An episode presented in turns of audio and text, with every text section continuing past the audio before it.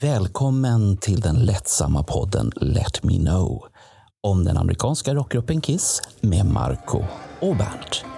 Nu kör vi!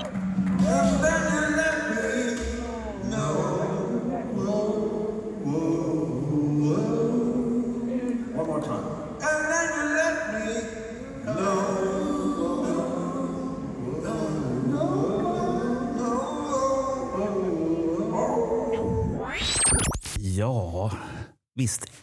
Det, det, nu, nu är jag så här glad igen. Vi är i studion. Vi har Marco här. Vi har en väldigt, väldigt eftertraktad och önskad gäst som har varit med förut. Och nej, det är inte Roger Nilsson.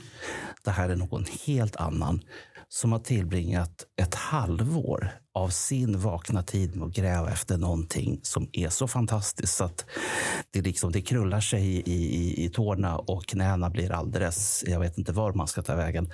Marco, fan. Ja, det är det man undrar. Är han- arbetslös? Har han ett förhållande? Och har- har allt det här gått bra? Hur är det Ronny? Jo, det är bara bra. Eh, Men det har varit många timmar. Jag, vet, jag vill inte räkna timmarna jag har lagt på att gräva och vända på varenda sten när det gäller Popcorn och The Coventry. Mm. För, för den nu som har tittat i sin poddläsare vet ju vad det här kommer att handla om. Men de som nu bara kör på känn, trycker på play på podden Let Me Know har ingen aning om vad som kommer att hända den närmaste stunden. Och jag är ju själv alldeles till mig här. Ja, för att han, du ska ju presentera det som inte, eller prata om det som inte fick plats i artikeln riktigt, eller fylla ut artikeln med lite ännu mer, har jag förstått. Ja, precis. Säga saker och kanske förklara vissa saker som inte eh, Och är så lätt att säga med två meningar. Ja, för det, det är ju en artikel i nummer 55 av Destroyer där vi gjorde en rätt, väldigt snygg layout efter mycket hårda hur ska man säga? Layout.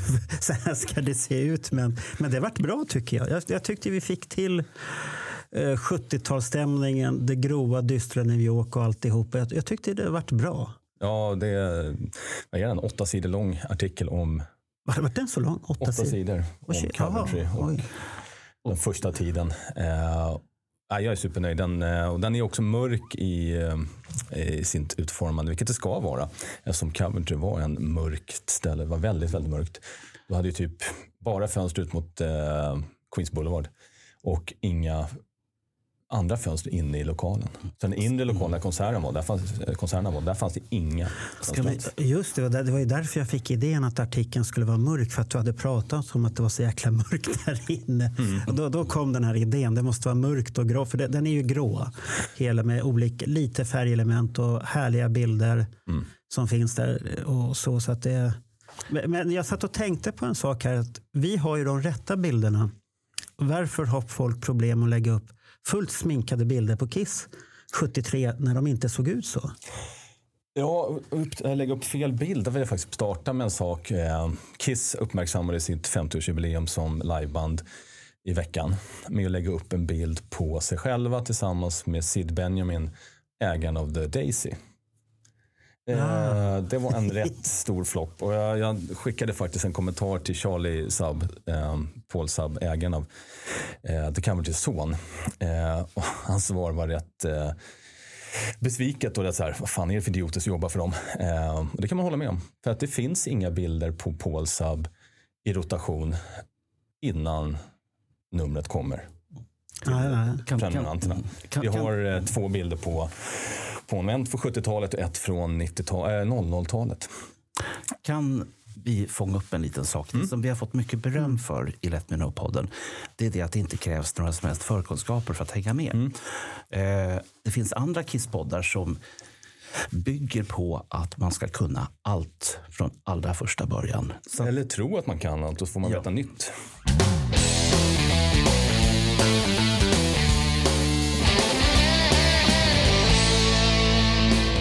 Så att vad vi egentligen pratar om här nu, det är Kiss allra, allra första början. Efter man har repeterat på två olika, två olika loft.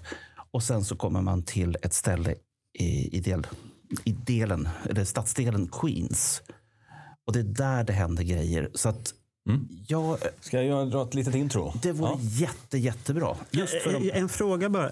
Hur långt ifrån replokalen är det här stället egentligen, Queens? Jag har aldrig varit utanför det. Med bil kommer du nog dit på en kvart. Jaha, det är så, så bra bit därifrån i alla fall. Ja. Ja, det är en helt annan stadsdel. Det är ju, Okej. det är ju, replokalen låg ju på Manhattan och det här är ju över bron in i Queens, i stadsdelen. Queens är ju en, eh, en av the boroughs och sen har du ju stadsdelen i Queens som heter Sunnyside och det är där The Coventry låg. Ah, ja, okej. Ehm, och ja, precis. Den artikel som jag skrev handlade ju framförallt om stället, inte så mycket om Kiss. Visst, visst det är en, eh, en artikel som publiceras i en Kiss-fan-tidning så såklart vi har en del Kiss i den. Men mycket, som, mycket av texten, mycket av det jag har forskat om handlar just om stället. Fokus har legat där och det är så jag har sålt hem det också till alla jag pratat med. Och det tror jag också har öppnat dörrar som kanske annars hade stängts. Just att jag sagt att ja, men fokus kommer inte vara Kiss, fokus kommer vara stället. Liksom. Och det var så jag fick kontakt med familjen bland annat och som eh, drev det stället. och det är någonting som även har öppnat upp eh, andra personers eh, search. Eh, jag vill minnas till exempel Alex Bergdahl när han höll på att gräva kring Peter Criss. Eh, och först så sa, eh, eller Ace Frehley. Och först så sa folk far åt hell. Ja, Jag tänker inte prata om, om Frehley eller om Kiss. Och då säger eh, Alex de förlösande orden. Nej, nej, nej. nej. Det här handlar om dig. Det handlar inte om någon annan. Det är dig jag är intresserad av. Det är dig jag vill veta mer om. Precis. Och helt plötsligt så öppnades alla vägar som fanns. Sen råkade det bli lite Peter Criss eller Ace Frehley på köpet. Men det är en annan sak. Ja, precis. Och det är så jag sålde hem det här och det var så jag fick många dörrar öppnas. Och om man tar då Coventry, eller Popcorn som det hette från början, eh, var istället som Kiss då debuterade på. Eh, det är lite diskussioner kring vilken dag exakt bytte den namn, men att den hette Coventry eh, första gången, det, första kvällen, det stämmer inte. Det, det var Popcorn då. Sen vart det troligtvis till helgen att det döpte om. Så Kiss första tre gig utifrån vad jag och eh, de jag pratat med har kommit fram till när vi diskuterar och så där, det är att det sker ett namnbyte troligtvis på fredagen efter Kiss har spelat där. Så sen spelar ju Kiss igen där i augusti-september och då heter det Coventry och så spelar de igen i december. Men båda gångerna i augusti och september så är det ju och sen i december så är det tveksamt om det sista kvällen verkligen görs. Eh, Kiss annonserar att de ska köra tre kvällar på sin affisch. Men i annonserna står det bara två kvällar.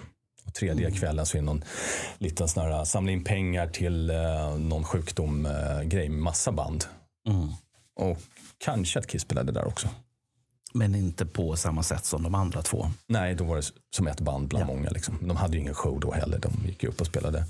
Eh, Och första kvällen de var där, då var det ju lånade, det var ju Coventrys, eller Popcorns då egna eh, PA som de körde på. Troligtvis. För det, de hade en massa PA som stod, eh, som banden fick nyttja. Vet man vem som tog kontakt från Kiss? Det påstås att det var Gene som ska ha kontaktat dem ehm, och hört om de kunde spela. Och att han tydligen krävde att han skulle få lite pengar och att eh, Paul Saab skulle gjort ett undantag. Då. Eh, Paul Saab är ägaren. Då. Men eh, jag tror inte att det stämmer att de skulle ha fått något betalt för att eh, i förskott i alla fall. För Aerosmith är det enda bandet han har nekat för att de krävde 300 för resekostnader ner till eh, stället och han sa nej. Eh, Det, det, eh, ja. och det är väldigt tidigt i deras karriär, men de, de hade liksom släppt någon platta så. så Ja, de hade släppt en platta också redan, och han nekade för 300. jag tror att de hade undersläppt en platta. Ah, ja. Hur, kom det sig att han hade såna här band där och, uppträdde? För att tittar man på dina här videos så känns det som en, en pub. Om man skulle jämföra med ställen så är det väl... Jag får känslan av Hard Rock Café i Stockholm. Det är en krog med plats för scen, men Mm. det är inte, eller pub Angkor, samma sak. Men det är inte det som är syftet. Nej, det börjar ju med att han, han driver ett ställe inne i stan. Eh, inne på Manhattan har jag haft några sandwichställen som med suveräna namnet Subs. Eh, ja. Men det var ju i, Greenwich Village var ju inte det som det var senare. Det var ju verkligen ett, ett hak. Eller hela området där var ju nedgånget och det var farligt. Och det var ju hela New York var ju det. Det är inte slumpen att New York faktiskt gav ut anti-kom hit-foldrar. Eh, varnade för Murder City USA. Eh, för att det var så farligt att vara i stan. Eh, de sa ju det, att ska du åka från ditt hotell så se till att hotellet garanterar en taxi och att du kliver in i den. Inte bara gå ut och ta vilken taxi som helst. Så var det på 70-talet, i alla fall tidigt där. Det var livsfarligt att vara där. Jo, och då la han ner de där ställena för att det var någon religiös eh, liten grupp, någon kyrka där på närheten av hans ställe. Så när han hade då lite singer-songwriters, lite folkmusik så tyckte de att det var lite för eh, farligt. Det rökte säkert en del eh, glädjetobak också. Men det gjorde att eh, klagomålen var så mycket stora liksom och starka så att eh, han var tvungen att lägga ner. Och då tänkte han, vad ska jag göra istället? Och så slumpade det så att han hittade den här lokalen ute på i Sunnyside ute på Queens. Men, men då har han ju haft lite den här ambitionen att det ska finnas lite mu- musikalakter. Och, Mm. Ja, och då tänkte han att nu ska det bli något nytt. Nu ska det bli, och det ska bli band som... Egentligen, han sa egentligen aldrig nej. Fanns det tomt i kalendern, då fick de ja. Om de, de inte att Ja. Aerosmith ville ha betalt, för då sa han ju nej. Men annars så sa han ja. Men det, det var ett ställe där man, man skulle spela för ingenting. Ja, du fick väl liksom lite eh, småpengar beroende på hur det gick liksom, eh, den dagen. Kanske någon smörgås, Jag vet inte. en sub. Ja, Det här-. Det här låter, om, om vi ska översätta det här till kanske då Stockholmsförhållanden. Eh, då skulle jag vilja dra en parallell med dels Mosebacke eh, och även ett ställe som då hette Bullerbyn. Okej. Till Bullerbyn så kunde alla komma, men eh, ja, betalt nja. Nej. Men typ samma, är det tomt i kalendern, välkommen. Mm. Eh, och på den tiden så var det ju dåtidens okända band som sen vart jättestora ett par år senare. Så att, så att allting nu som jag hör om Popcorn och Coventry påminner på något vis om både om Bullerbyn och andra ställen också i, i Stockholm. Jag tänkte mest för, för våra lyssnare att de ska få någon slags känsla av vad, vad, vad, kan det egentligen vara? Det var ju alltså, huset var ju byggt redan på 30-talet när man eh, urbaniserade den delen av Queens. Eh, och det hade varit bar först. Eh, Horseshoe Inn. Horseshoe Pub eller Horseshoe Bar. Nu fick jag lite blackout där. Horseshoe Bar tror jag det hette. Eh, för att den hade en hästskoformad bardisk inne i, eh, troligtvis då den inre delen, här, eh, där senare byggdes scener. Och efter det så, när den gick under så öppnade istället Ambassador Ballroom med dans och lite liveband. Bland annat lite jazzigt och sådär. Och sen var den nedlagd och så lokalen stod tom. Och så klev eh, eh, Paul Sabb in och tog över stället. Och han hade ju planen där att det skulle vara många liveband. Det skulle vara två scener minst. Eh, och det skulle vara lite rockigare än man hade gjort tidigare. Sen verkar det inte som att Paul Sabb riktigt hade örat mot marken när det gällde musikbranschen. Utan det var, det var lite så här, ja, kom och spela med vem som helst. Och sen så hade han väl lite tur då att han fångade upp glittervågen ett tag. Eh, glitterrockbanden där. Men alltså det är över 300 band som spelar på två och ett halvt år. Namngivna band. Olika band. Det, det är mycket. Det var många av dem. Vissa band spelade ju alltså 40 datum och då kan du räkna med två, tre gig per kväll. Ehm, så det var ju, de flesta kvällarna var det tre eller fyra band som lirade. På helgen. Och på helgen har ju de banden som då hade släppt en platta eller två, hade börjat liksom få lite snack i radio och sånt. De fick komma på fredag, lördag och söndag i början. Och så fick Kiss och andra okända band spela tisdag, onsdag, torsdag. Och sällan tisdagar. Det verkar som att det är Kiss är ett, få, ett av få band som kör en tisdag innan glitterrockvågen drar igång ordentligt 70, sent 73, början på 74. Där. Att, att tisdag brukar generellt vara en dålig dag på alla sätt.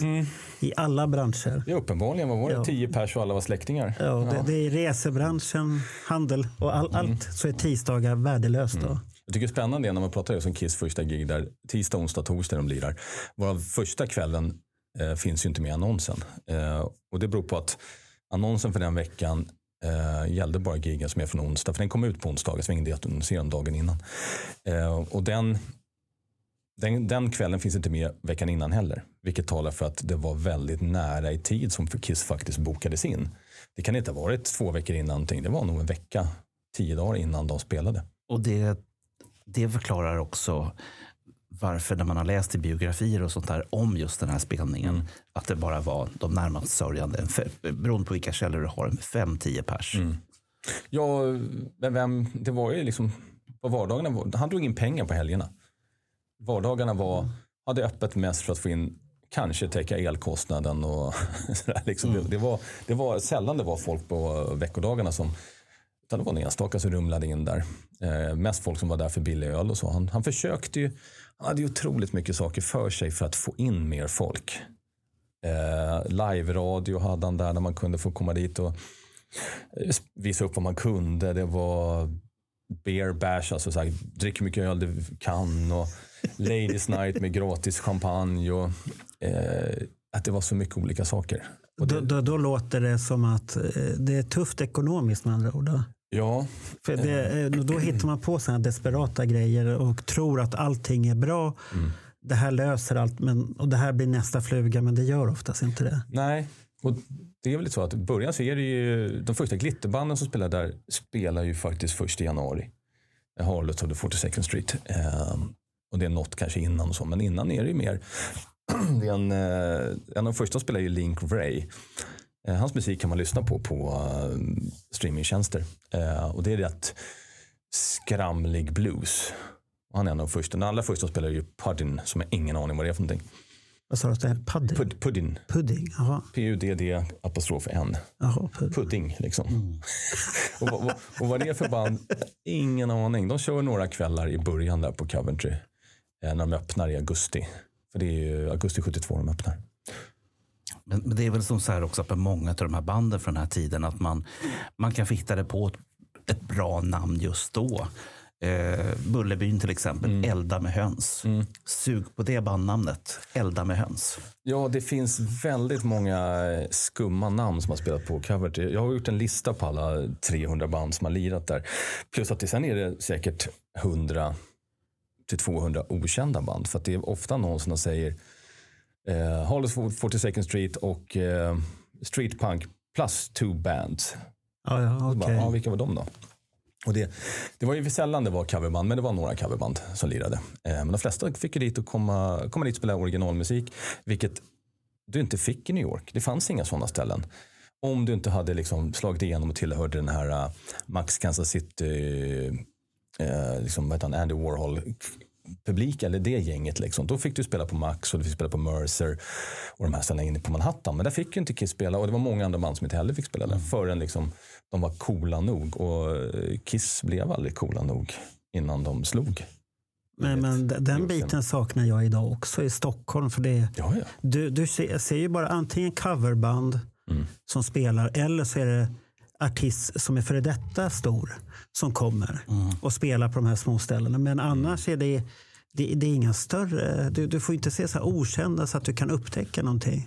Mot slutet av 70-talet i Stockholm så fanns det ju ett ställe som jag vill minnas att det heter Musikverket. Låg på Götgatan. Där det just var den här, återigen samma grej som Mr Sub. Kom hit och spela, det finns en lucka i kalendern. Du kanske inte får pröjs, men du kan få låna vårt PA eller ha med dina egna grejer. Eh, Jag såg jättemånga band i eh, de sista åren då när, när punken drog igång ordentligt på just Musikverket. Så att jag, de här grejerna som du berättar, för mig känns det här jättebekant alltsammans. Att det faktiskt det måste ha varit att folk har åkt till New York. De kanske har varit på Popcorn eller på Coventry. Blivit inspirerade, tar med idén till Stockholm och så bara kör man. För, att, för att det inte har funnits. Och nu som du säger Marco så finns det inte igen.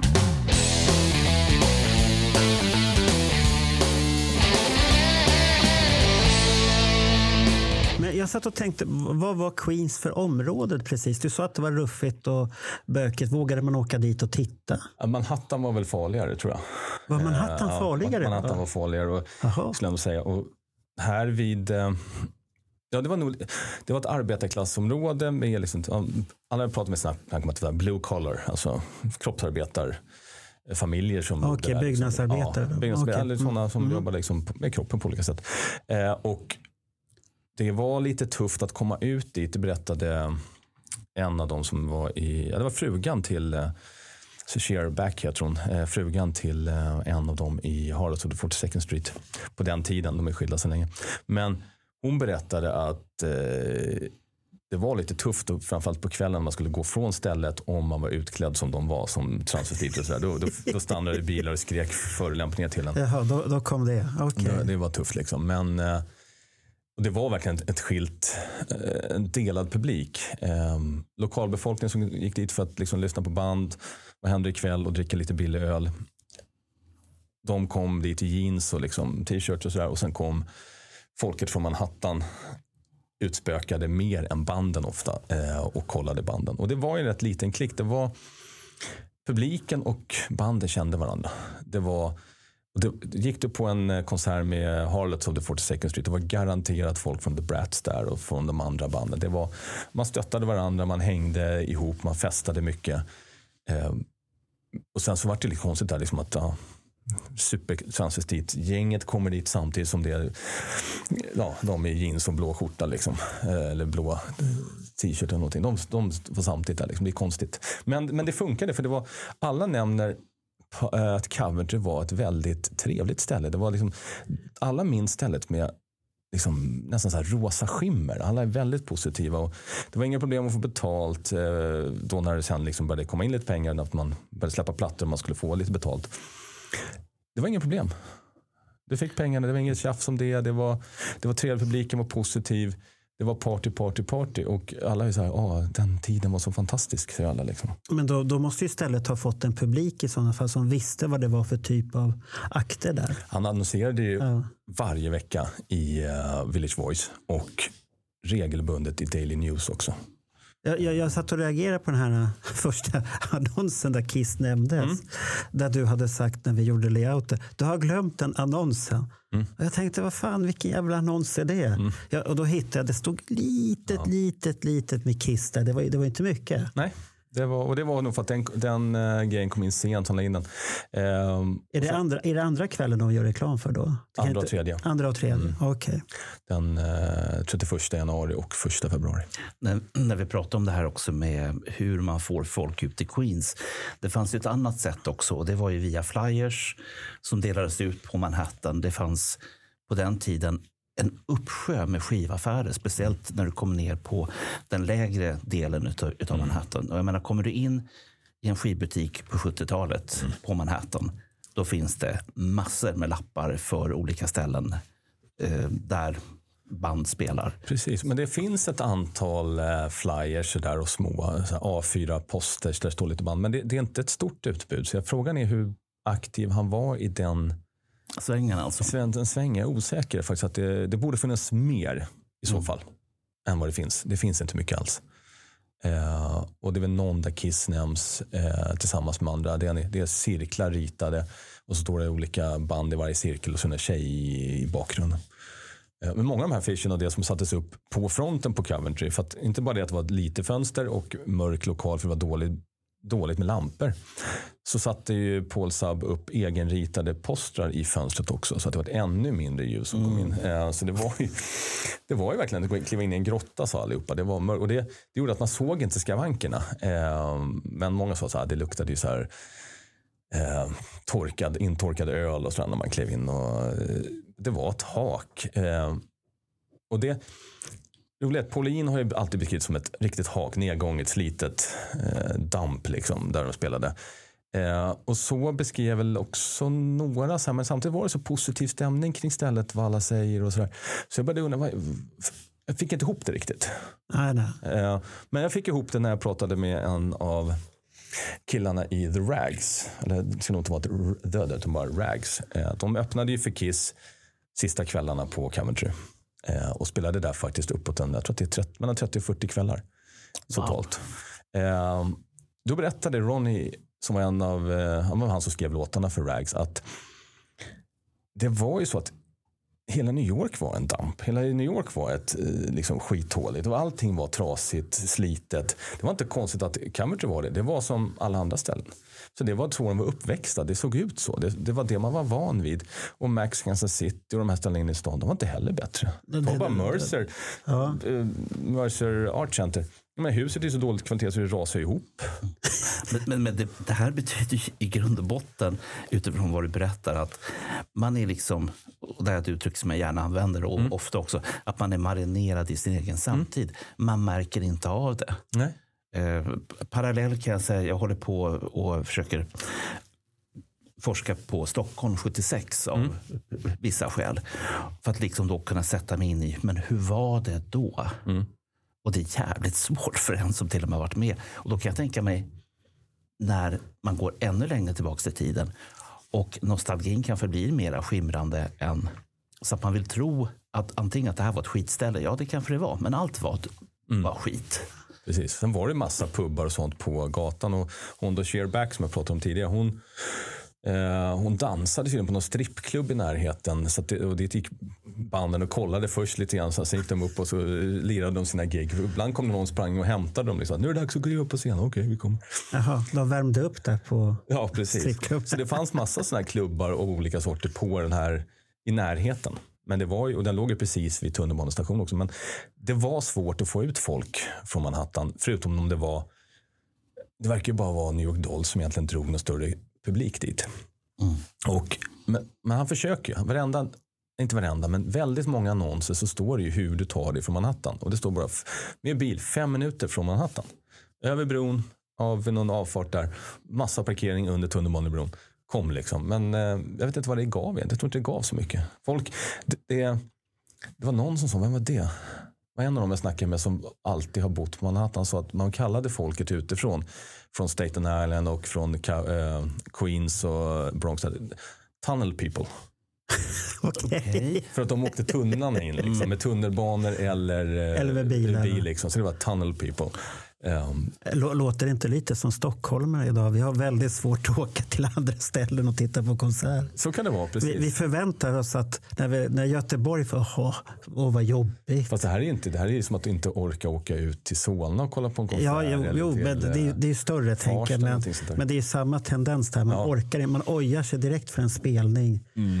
I- Någon annanstans, som i Dalhalla nu som det varit. Att Mm. Varför just i Dalhalla? Varför inte i Stockholm? Nej, Jag tror ju annars att både hårdrockare och punkar, punkare å- orkar, eller orkade, ska jag säga, Ja. åka till Solna eller Ja. Men tunnelbanan klockan 9, 10, 11 på kvällen det, i New York, det åkte man inte om man inte var en rånare ungefär. Det är den bilden folk säger. Det, ja, Så, så, så feelingen är lite som ungefär som Barretta hade i sin Ja. den här stämningen att det ser ruffigt ut. För när jag var 2019 i New York eh, då, ska jag säga, då gick jag själv hem eh, två på natten på en vad var det, 25 minuters promenad där i mörkret och kände mig jättetrygg ner till Ja, men det var hotellet. samma sak 92 när jag var där första gången. Eh, så var det, men då var det ändå, man gick på huvudgatorna, avenyerna, då, då kände vi oss alltid trygga. Men sen var det vissa gator, framförallt vissa kvarter där det var, det var helt kolsvart på natten. Ja, och det då kunde, var det och det kunde liksom- prassla. Ja, det var miss, ändå var vi centrala och nästa gata var upplyst och fin och det var eh, buketter i eh, urnor och grejer så utanför husen. Det var väldig skillnad. Liksom. Och sen, men det var ju borgmästaren där och som började städa upp ordentligt. Eh, det var på 80-talet. Och då, då blev det ju mer städat. Men det, var, det kostade ju, det var ju väldigt hårda straff för många. Liksom. Och det, Fast de har gjort den här reformen lite som Stockholm gick igenom. Mm. Och Jag vet inte om de har tagit bort mycket karaktär utav staden. För att den känns... Nu när jag var där 2019 så tycker jag, jag vart inte imponerad utav den staden. Det, det, det sa ingenting till mig. Vi, det, visst, det är ju de här häftiga klassiska byggnaderna, Madison Square Garden och vi var på replokalen och sånt där. Men nej, det, det var inte... Det, Nej, det, nej, jag, var, håller med. jag var där 92, 93, 94, 96. Eh, och bara de fyra åren så hände det mycket. Det, det gick från många av de unika skivbutikerna, unika klädaffärerna och sånt som var nere i Soho. De hade lagt ner på de tre, fyra åren. Och, och sen, det var kanske visserligen bra. Times Square gick från att vara ett porrträsk till att vara Disney-träsk.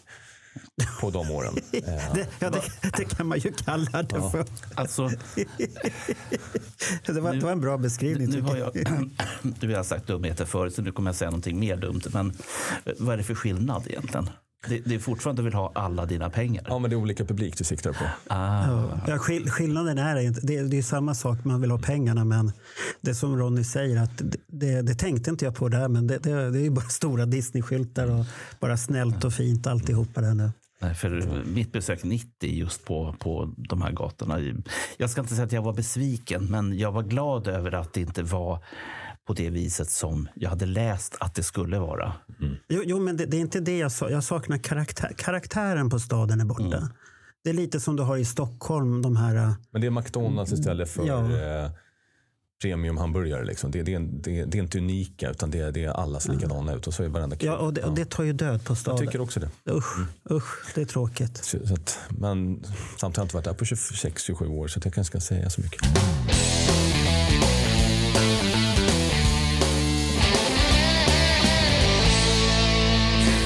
Finns ju inte så mycket om Coventry. Det har inte funnits så mycket om Coventry. Det har funnits utslängda citat här och där. Och det är intressant, som inte jag hade tänkt på, jag pratade med Jeff Sue, han en av författarna bakom Kiss Alive Forever. Um, för jag fick lite hjälp av honom kring just vad trappan ner till eh, källaren var. Ehm, men då pratade vi så sa han att Paul Sub, då, ägaren av eh, Popcorn och Coventry, det var ingen som visste vem det var innan deras bok. Han var inte namngiven i History. Nämen. Och sådär. Så att det, då står det bara att vi spelade på det stället. Jag tror inte att han är, eh, han är inte nämnd heller i den här eh, Kiss Real Story från 80. Utan det, då är stället nämnt, liksom, men inte Paul Sub. Men alla de här andra artisterna, som sagt Mm. vissa av dem blev det ju någonting utav. Och det måste väl ha skrivits biografier även om dem och Mm. även på Coventry eller på Popcorn. Det var där som vi fick vår första chans. Vilket band skulle det vara? Jag tänkte, du har listan. Ja, det är inga band. Det, det här var det enda bandet som slog igenom. Men Nästan. Alltså, för du har ju New York Dolls eh, som jag en gång utifrån hur, hur jag liksom upplevde när jag pratade med folk och hur man ser deras framgångar internationellt och sådär. Så, jag nämnde jag någon gång på då var, var de världsberömda i New York. Och då garvade den jag pratade med bara, det var jävligt passande sagt. För de var stora där, det var det största av de här banden.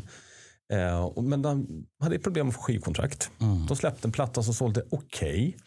men inte så att det som gjorde att skivbolagen kom rusande som på 80-talet när eh, gla- de här långhåriga pudelrockarna, första hitsen där alla sprang till LA och signade alla som hade långt hår.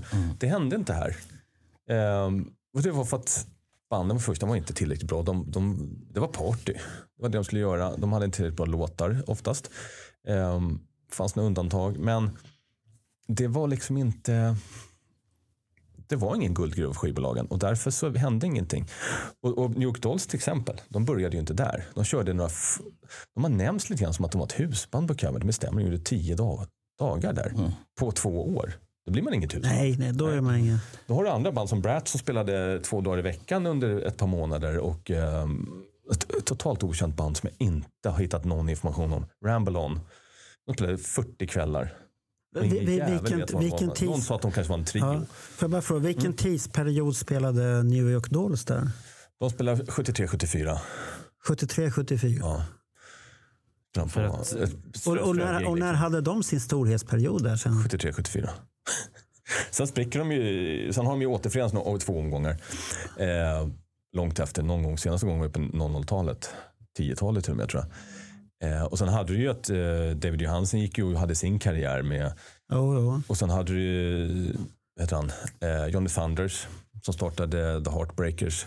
Och sen hade en solokarriär. Så att det, men ingen var ju så här jättestor och sålde. Jag menar, de, så- de sålde, alltså Coventry var det största stället av de här vi pratar om. Coventry var klart större än Max, klart större än eh, Max's Kansas City, sa, eh, Mercer.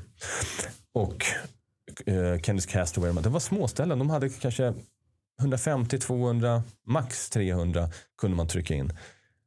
Och så kommer Coventry och har, de kan trycka in, det sägs 800 Paul Sub, eh, men andra säger 300-400. Men det var i alla fall det största stället. Men det, det, det, som, det som är så märkligt i alla fall för mig, det handlar ju om att då är hypen större än grejen.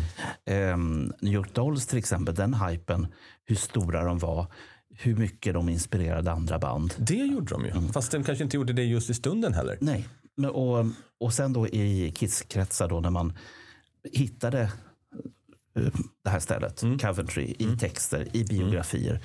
Då, då vart det ju liksom i ens huvud någonting annat än vad det kanske var. Men det som du har lyckats göra nu, för att kanske jag hoppar i, i, i, i grejerna, men eh, du la ut en film på eh, diverse sociala ställen som för mig, i och med att du och hela världen har ju letat efter bilder ifrån Coventry. Och det känns ju som att du tänkte, nej men vad fan, vi skiter i bilderna. Vi, gör vi, vi plockar arkitektritningar istället. Och så utifrån det så försöker vi bygga en verklighet som man kan sätta sig in i. Och helt plötsligt, så för mig, så vart Coventry verkligt tack vare dig. Mm. Ja, kul att höra. Det var samma för mig. För det var ju lite tanken så jag började. För att sommaren 2021 så fick jag en jävla knäpp och fick för mig så här. Fan, varför har vi inget foto på Coventry? på fronten. Hur såg det ut? För det, fanns ju, det finns ju vad kan det vara, 50-60 Kiss-foton inifrån. Men de är ju bara på scenen. Det finns, eh, jag har väl kanske en 50 till foton på andra band där inne. Men alla är på scenen. Det är ett, ett, kanske tre, fyra foton som visar någonting bredvid scenen. Men det är inte mycket. Eh, var toaletterna låg till exempel, det kommer från ett av fotona. Ehm, för då ser man Ladies Room-skylten. Liksom och så här. Men det, det finns inga foton från barområdet. Jag pratade med familjen, familjen har inga foton alls. Wow. Eh, och det har alltid alla säger bara ja, det var inte som nu.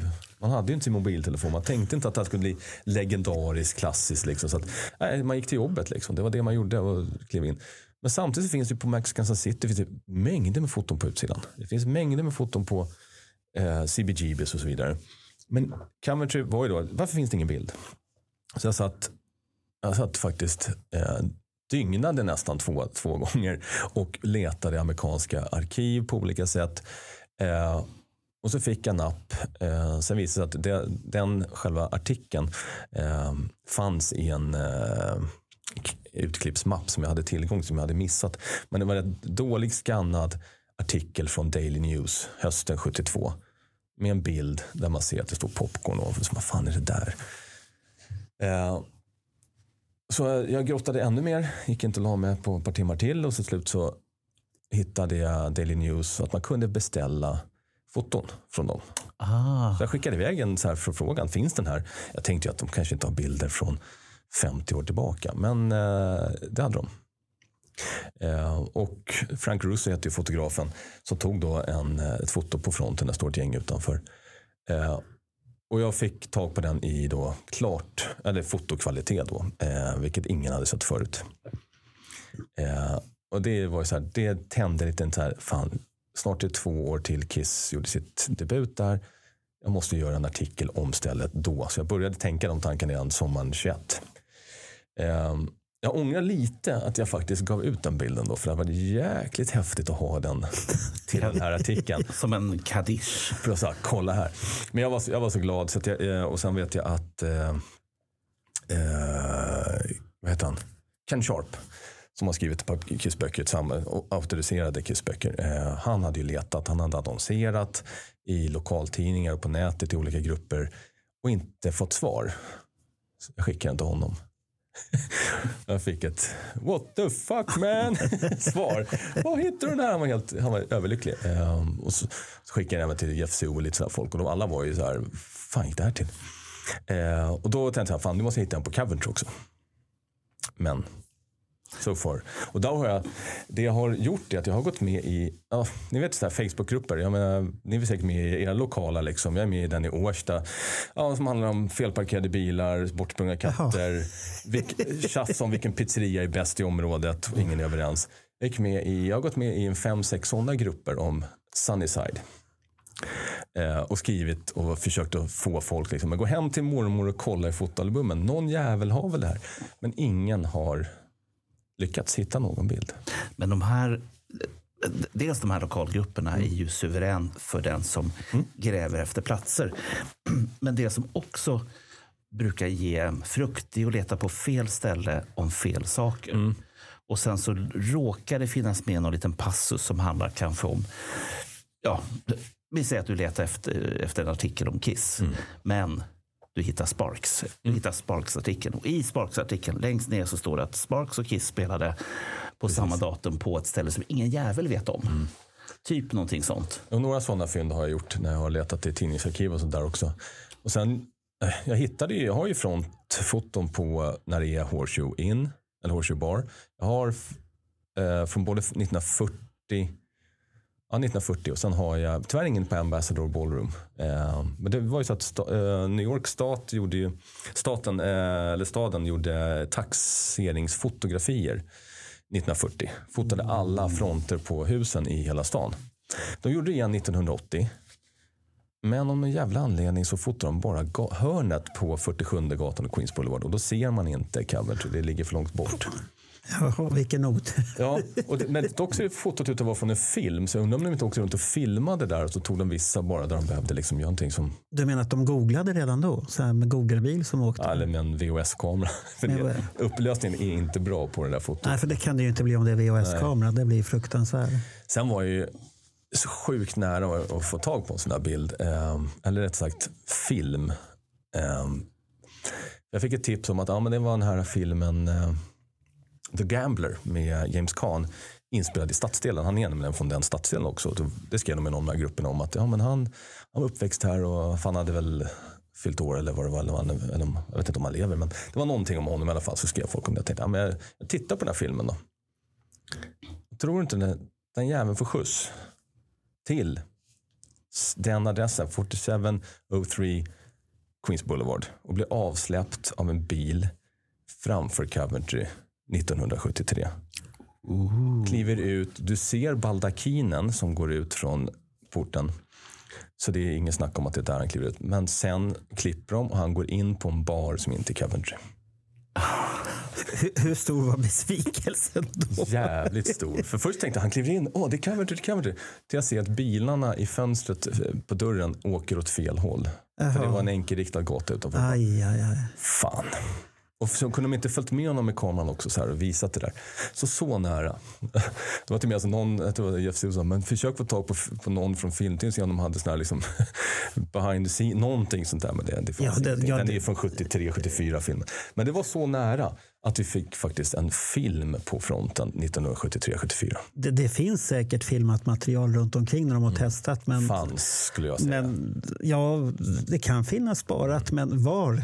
ja, Det har jag ingen aning om. Och arkiverar man det, det är inte säkert. Nej, troligtvis var det klipps bort, ligger på golvet och slängdes, brändes upp någon gång 73, 74. Så så nära var vi att få Jag ser framför mig att du måste åka iväg till New York och vara där en vecka och gräva i arkiv. Du kommer inte få se någonting av stan överhuvudtaget. Inga Kiss-grejer överhuvudtaget. Det enda du kommer göra är att du kommer sitta i allsköns arkiv och leta efter den adress. Och jag tror, jag har en känsla, I have a good feeling man, att du kommer att hitta motsvarigheten till eh, Stockholms stadsarkiv eller någonting sånt. De finns digitala, jag har gått igenom. De finns som är från, det finns ingenting. Jag har kollat i polisarkiven också. Med så här, tydligen fotade de vid när de grep folk och så också. Det finns ingenting på d- närheten av den adressen.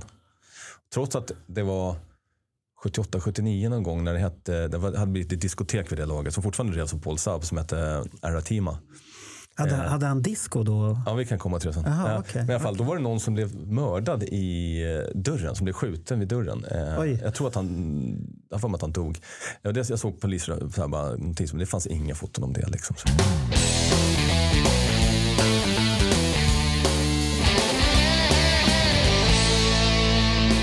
Så när Bulten började gräva det här så fick jag tag på eh, managern till Harlots on the 42nd Street eh, för ett år sedan ungefär och mejlade honom och fick svar så här. Eh, han är tydligen fortfarande manager. Eh, och han förmedlade mina frågor till The Harlots som de kallas då. Eh, och de har, allihopa heter ju, precis som Ramones, de var ju före Ramones det här att de hette, allihopa hette Harlot i efternamn. Chris Harlot och sådär. Eh, Gene Harlot. Ja, det var Gene Harlot som Cher var gift med då. Men jag fick bara svar från Chris. Men han har varit jättetillmötesgående och började liksom svara på mina frågor. Och, eh, vi har mejlat till och från under de här åren, eh, det här året och jag har fått massa information från honom. Och sen kom det ju fantastiskt att de släppte en platta med The Harlots. Inspelningar från 72 till 74. En officiell utgåva som kom här i november, oktober-november förra året. Och plattan är ju skitbra tycker jag. Vad finns den att lyssna på? Den finns på streamingtjänster. Jaha, den finns 42nd där. Street, uh, Refuse to be misused. Och just den låten, Refuse to be misused, är fantastisk. Eh, det är, nej, det är, hela plattan är... Topparna på den är grymma. And all my thoughts are twisted. You sure have me naughty.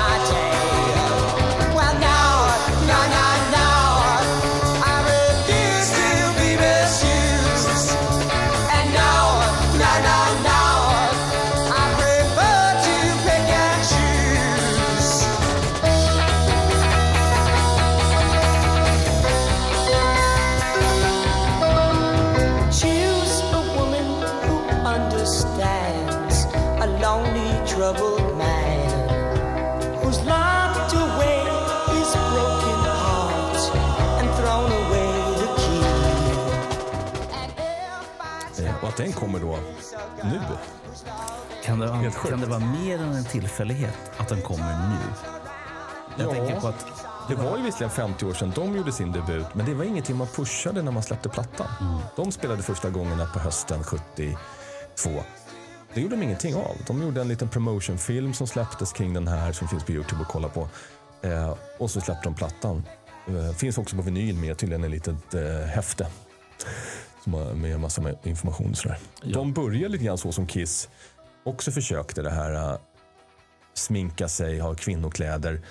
Och de såg ju lika tokiga ut som Kiss. Det funkar inte. De var, de var stora. De var liksom så här bikerkillar nästan och så kom de sådär. så det, det, de tuffade till sig sen lite eh, efter ett år eller två och eh, såg inte ut så längre. kan, kan det möjligtvis vara som så att din mejlrelation med en av dessa farbröder faktiskt fick honom att tänka att ja jävlar. Nej, det var, det var på gång redan innan. Eh, de hade jagat lite grejer. Och jag vet också en, jag vet någon som har ins, spelat in livekonsert med dem. Och med lite andra band från den tiden. Som jag håller på att smöra lite för. Får se, får. En, en fråga här nu, det här med banden. Där. Vad hade, varför skulle de ha kvinnokläder och det? Det var ju glitterrocken. Det var androgyna. Det var ju David Bowie var väl pionjären där liksom. Och så körde de vidare på det. Eh, bara att de var lite rockigare. Fast, fast David Bowie passade ju det. Ja, Ser du ut som en biker så blir det konstigt. ja, det insåg ju Kiss efter Ja, jo, typ det- ett det- försök. Och Harlots behövde lite längre på sig att inse det, men sen tuffade de till sig. Fast Gene har ju fallit tillbaka sen. Ja, Några- 85, några 86 gånger. Där. Ja, jo, precis. Ja. Jo, men han, han fick väl bra betalt de Han gångerna. längtade tillbaka till den perioden. Ja, ja. Eh, nej, men sen, så den plattan rekommenderar jag att lyssna på. Jag, jag tycker den är svinbra. Den visar lite grann kanske hur musiken var. då. Det finns ju lite mer att lyssna på. Eh, det finns en samling som heter Max Kansas City någonting 76. Eh, där finns det ett helt gäng av banden som också spelade på Coventry. Bland annat ett band som känns som sjuka pionjärer som heter Suicide som spelar någon eh, protopunk, synt, industri, superkonstigt. Oh, baby. Oh,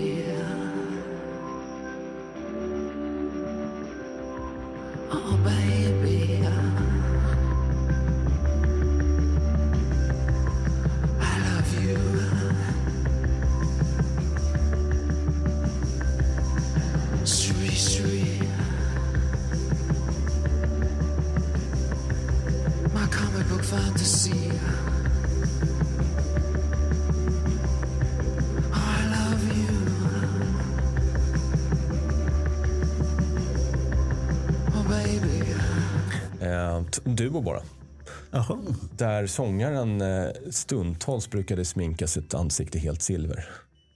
Mm. Precis. Eh, och sen har vi ju han, måste vi ta, ja, när vi pratar om band som kan inspirerat Kiss lite grann, måste vi prata om Satan också.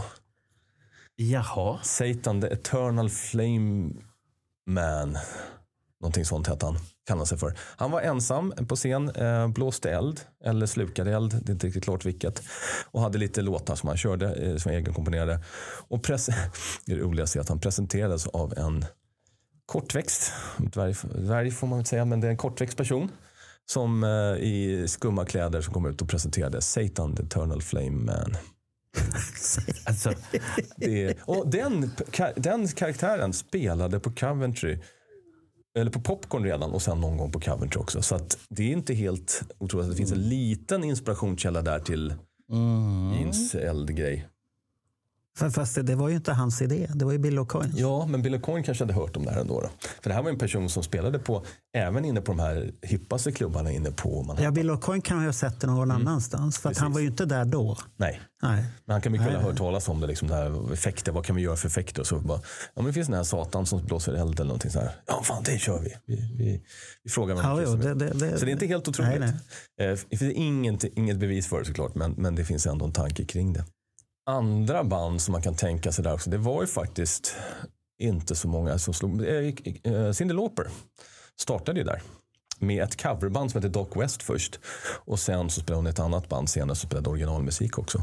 Men det var Mot, eh, det var 74-75 någon gång där. Men hur gammal var hon när hon- när hon slog Hon var igenom? inte gammal då. när men- hon slog igenom sen ordentligt, ja. Ja, då, då var hon väl 30. hon var så? Jaha, okej. då, då får jag... Jaha. För jag vet om att hon, har, att hon hade en karriär innan Girls Just Wanna Have Fun. Men jag har varit nyfiken på vad liksom, i hennes fall, hur, hur var vägen dit? Vad, vad fick henne liksom att bli den som ja, men hon fortfarande är? Ja, först, då kommer hon ändå ur liksom. Hon, hon är med där när den här glitterpunk eller glitterrock eh, vågen finns. Den scenen är aktiv. Sen vet inte jag vad, hur Doc West var, vad de körde för musik. Men det var ett coverband. Eh, och sen så har något Blue Angel tror jag hennes band heter efter.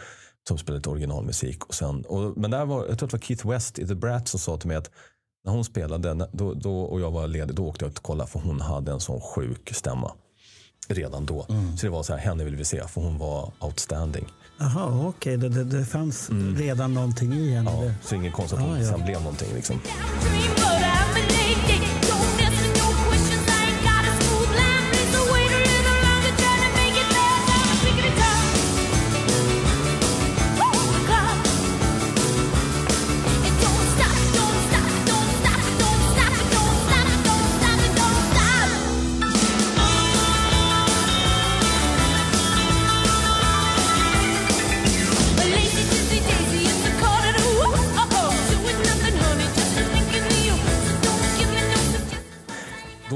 Jag hade där börjat få lite kontakt med folk så började jag slänga ut saker om de här grupperna och sa att jag ville skriva en artikel om stället. Liksom, vad vet ni? Vem kan ni rekommendera mig att, prata med? Och då var det en kille som heter Danny G som jag fick kontakt med. Eller var någon nämnde honom. Jag skrev till honom och, och han såg inte mitt meddelande. För det är ju så, är man inte kompisar på Facebook så kan det dröja eller aldrig, du ser inte det där. Men av en slump så såg han det efter några månader och kontaktade mig. Eh, och det visade sig att han spelade i ett band som heter Age som spelade också på Coventry eh, 74, 75. Eh, och han, eh, jag har fått lite låtar av honom. Det finns på Youtube också, hans eh, massa demos av The Age. Som, så AGE kan ni söka på. Eh, de körde med två olika sånger, finns det låtar. Eh, 70-talsrock. Bra liksom. Eh, men han hade massa Paul och jeans, eller Pauls och jeans-stories som han drog också som var eh, lite roliga. Det var en att de hade spelat just med Age och Paul hade en flickvän som hette Carmen som tydligen var riktig vild brud och tydligen rik och sådär också. Eh, så hon hade liksom, ja, jobbade inte, utan bara gjorde vad hon ville lite grann så här. Och Paul var ihop med henne och hon, eh, de var och kollade på Age och Gene och Paul och tjejerna som de hade med sig, Carmen då bland annat, satte sig på stolar längst fram precis vid scenen. Och bara så här tittade. Och då började Carmen, hon var tydligen lite förtjust också i trummisen i Age. Hon började ropa till honom, vilket Paul tyckte var jättepinsamt. så han typ försökte dra ner henne så att hon satt ner och sådär. Så det, ja, det, jag tror att det var någon annan i den där Facebookgruppen som berättade också att han hade gått på Queens Boulevard i, i det måste ha varit augusti, september där, 73. Och så såg han två stycken komma ut springande i liksom höga platådojor till närmsta eh, telefonkiosk. Med fullsminkade och så här så såg liksom ut som värsta. och det var tydligen, vad han ville minnas var det Peter och eh, Paul. Som kom ut och ringde från närmsta telefonkiosk. Där, så att det... Men ja, Ja, det är en tid innan mobiler. Det, Precis. Men han Danny G var, han satte en sten i rullning för mig. Han gav några namn och telefonnummer till folk som jag fick tag på. Som i sin tur gav nästa, så det vart liksom det bara rullade på. Och då fick jag tag på en kille som heter Mark Pollott. Som spelade bland annat i The Brats ett tag. Han spelade i Murder Inc. Eh, som också var ett band som var rätt stora i lilla så här, efterpunkvågen där. Eh, och han hade eh, också stories om både Coventry men också om eh, Kiss. Han sa att Gene var oftast osynlig. Det sa nästan allihopa. Man såg inte Gene. Han var inte liksom där andra kvällar på olika ställen inne i Manhattan, på Manhattan heller. Men Paul såg man då och då. Han dök upp på konserter och så. Och det, bland var det, eh, vad heter han? På, på, på, bara fråga, Ja. på vilket sätt menar de att han var osynlig? Att han var inte Han var, han, var närvarande? aldrig, han var bara där när det var konserter och sånt. Och han var inte liksom på andras konserter. Han var inte på ute och bara drack såklart, för det gör jag ju inte. Men Paul, Nej, nej. Paul kunde mycket väl gå- ute och ta, ta en öl liksom. Och, sådär, och kolla på band. Var han mammas pojke fortfarande? Då? Ja, han var, Det- det låter det lite- kostar ju pengar att gå ut. och- Ja, och han satt med sina seriealbum och, och allt det här. Precis. Jaha. Så honom såg de liksom inte. Men han berättade jävligt roligt, och jag tror att jag tog upp den i artikeln, men att Mark Pollitt då, han hade band som hette Mercury som faktiskt gjorde en, spelade in en platta med Ron Johnson efter eh, Kiss hade haft med honom att göra. Eh, och den, eh, den fick jag skickad till mig. Det är bra 70-tals eh, rock också. Eh, och den, eh, när han turnerade med Merc- Mercury, som också spelade på Coventry ett par kvällar, men de också turnerade och spelade på, var förband till diverse band ute på turné. Och då visste han att Gene skulle komma till Atlanta och eh, Alex Ballroom heter det väl. Eh, lite senare. Så då, klotter, då kunde man klottra på väggarna där. Det var så här inne på. Så han klottrade ett meddelande till Gene på hebreiska. Jaha. Och sen när Gene kom där, så hade han, de hade tydligen gjort det några gånger, så här, som att kommunicera på udda sätt han och Gene.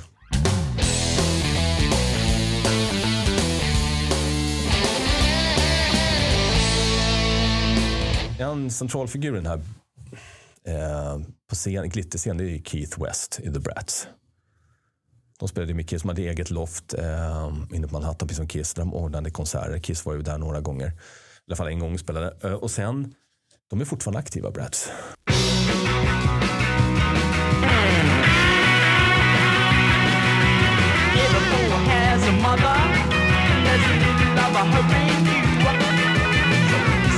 Mm.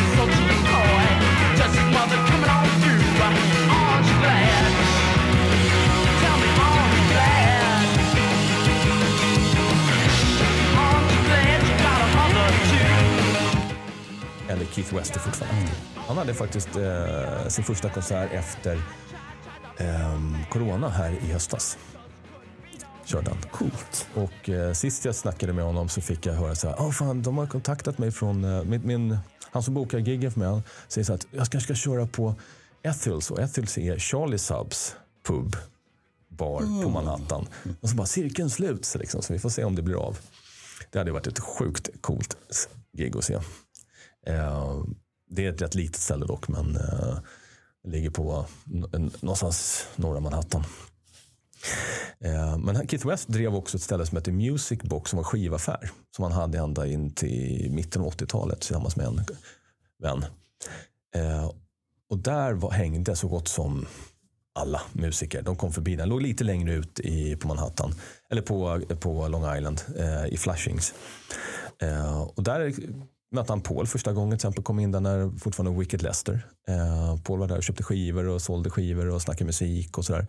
Men även folk från New York Dolls och från eh, Harlots och 46. Alla de där banden. Hängde folk där. Och band bildades där inne också. Liksom bytte så här, eller någon gick med band när de hade hört att ah, ingen trummis, ja, men jag känner en och så fick de kontakt via det här stället.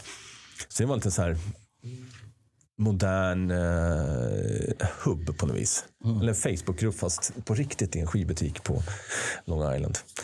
Eh, sen eh, den enda, ja, vi kan ta det på en gång, den enda som egentligen haft något negativt att säga om eh, Coventry, det är Binky Phillips. Som också har lirat lite demos och sånt med eh, Paul och Gene på 70-talet. S- Han, det finns också någon som påstår att han var delaktig lite grann i Love Gun. Eh, men inte är krediterad för det. Och det stämmer inte. Men han ska bland annat ha tagit med sig Paul på första Ramones-giget som Paul såg och sådär. Och då ska de tydligen ha eh, varit uppe liksom i ja, undertaket. Precis, det fanns ju något ställe man kunde liksom stå där uppe. Där det fanns en där eh, gangway eller någonting man kunde stå och kolla så att inte Paul behövde vara nere bland folk. Liksom. Var, var, var någonstans då? Det var något ställe inne på Manhattan. Jaha, någonstans. Eh, okej. ja. Det kan inte vara det här stället där Ramon spelade alltid. Nej, För där, där finns det ju ingen loft. nej, Det är så litet så. precis. Och det är också, det, det är någon som säger att Ramones, som har sagt att Ramones spelade på Coventry, men det gjorde de inte. Vad jag, det finns inte en annons med dem. Och det saknas ändå en eller två annonser bara under tiden de öppna. Utan däremot spelade ju Joey Ramones först, för, band före där som hette Sniper. De var en av de banden som spelade mest där. Jaha. Och han var också en stammis. Han eh, hängde i baren och drack eh, screwdrivers. Aj. Nästan varje. Han bodde tydligen runt hörnet. Eh, och det finns ju lite video med dem tidigt när de är snipern och tv-sändning. Och tydligen ska även det ha funnits en Harlots klipp från det stället. Eh, ja, jag pratar en hel del om Harlots men det är för att jag tycker de är så, eh, så bra faktiskt. De är riktigt, riktigt jävla bra. Du, säger helt enkelt att vi, ska, vi alla som lyssnar ska upptäcka Harlots. Ja, men eh, förväntar inte någon tung hårdrock. Eh, förväntar, ja, det- jag gillar dem. Lite mer kanske åt eh, Dolls-hållet, fast lite mer, jag tycker det är bättre. Mm. Eh, Rags för övrigt, de gav också ut en platta. De repade ju på, de lyckades få repa på en skola som låg, en nedlagd skola som var runt hörnet, i närheten där också. Eh, för att det var någon, de hängde alltid utanför, så var det någon vaktmästare som sa så här, men om jag släpper in er och ni får repa här inne, så här, kan ni hålla koll att ingen annan bryts in? Och så fick de det. Smart. Och då fick de en scen liksom att spela på, så att de var rätt vana att spela på scen. Tyvärr vart det ingenting med dem. De var nära skivkontrakt ett par gånger. Men var många av de här banden var nära. Men så var det så att ja, den som skulle, kontraktera dem slutade eller eh, sådär. Så det, vart, det var väldigt få band som fick kontrakt om det. Släppte lite singlar och sånt där. Det är det som hände. Jag, jag blir påmind om en, eh, en grej som eh, Vinnie Vincent sa i den intervjun som jag hade med honom 83. Eh, och det handlade ju helt enkelt om att det var så många som they were struggling at the same time. Och det var precis som du säger nu, det var få av dem som som det hände någonting med. Men det var så många som ville och som var engagerade, som hade talang. Men det var så få som, som kom i mål. Om nu ett skivkontrakt är målet. Det vet inte jag som musiker. Eller är det att man får spela så mycket man kan? Vad, vad, är- vad är målet? Så att säga? Och sen måste man väl också ha arbetsmoralen. Och många av de här banden hade ju inte det. De tyckte att det var roligare att festa. Eh, Men, men samtidigt har ni glömt den här aspekten att skivindustrin var inte så stor då. Det var på väg mot någonting jättestort. det var det. Mm. Explosionen skulle ju bara komma några år senare när det blir att alla börjar köpa album. För det, det var lite, den generationen köpte inte så mycket. Ja, det var ju, den här tiden är ju fortfarande singlarnas paradis. Och sen kommer vi 60-talister och Men man också pratar, exploderar där. Man pratar om att Kiss första plattor sålde dåligt. Sålde ändå ett par hundratusen. Men vad jag hörde så sålde New York Dolls första platta 150 000. Så det är inte så konstigt att de inte skivbolagen kommer springande till Nej. Harlots och The Brats och alla konstiga namn de hade. Eh, Så att det, det, det är inte konstigt. Nej, nej, för du, du måste ju ha någon som tror på det. Mm. Och det hade ju Kiss. Och det, ja, den är med den annonsen, men det är, Kiss kör sitt sista gig där eh, december, 22 december eh, 73. Eh, gig den 23 det verkar som att det ströks. Eh, sen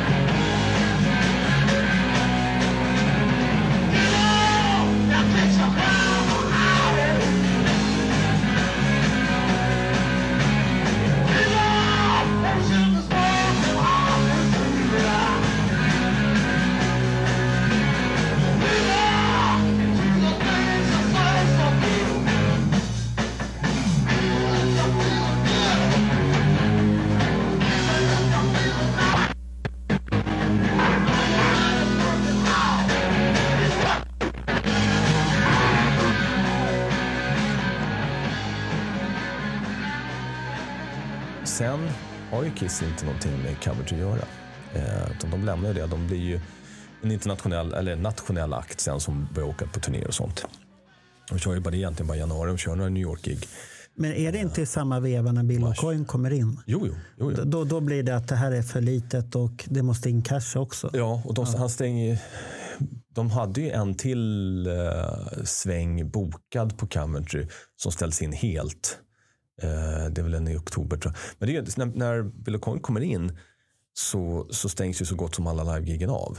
De kör ju de här på Coventry som är i augusti-september.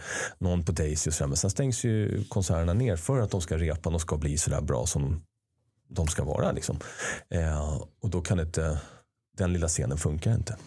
Ja, det, det är på väg mot nästa steg. Mm. Redan där bestäms ju det. Liksom. Det ska bli en show.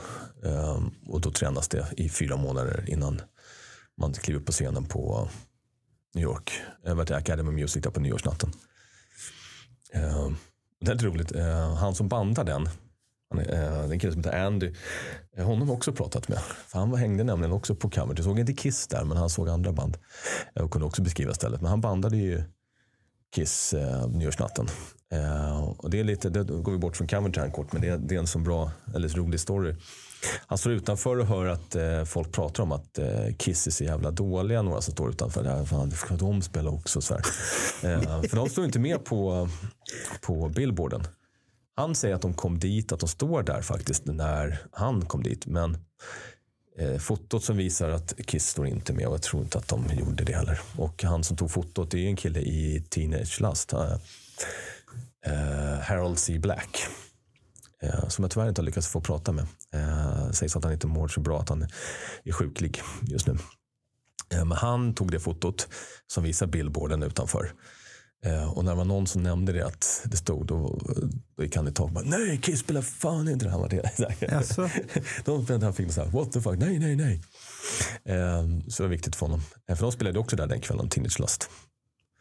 Eh, men, eh, jo, men han gick in där, hade med sig sin bandare, hans polare hade med sig kamera. De var, det var Iggy liksom, de skulle kolla på. Eh, och så drar Kiss igång och han bara, vad i helvete?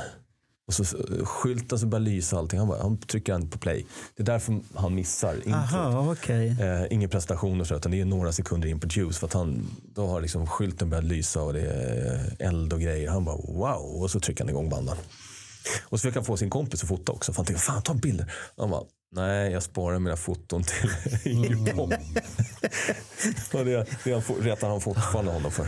Ja, ja. Nu är det så, nu har vi foton i mängd från den kvällen, men ändå en bild till. Men, men han, han var tagen av Ja, det han tyckte hela. det var eh, riktigt bra. Hur, hur var det med de här andra artisterna som hade spelat på Mm. Coventry och det här? Hur såg de på Kiss? Eh, Keith West sa ju liksom att just när de hade, han hade ju sett dem lite tidigare så här, men sen hade han eh, då bokat in en att de skulle spela på deras loft tillsammans med dem och eh, Queen Elizabeth som eh, där eh, Wayne County spelade som sen blir Jane County eh, när han byter kön.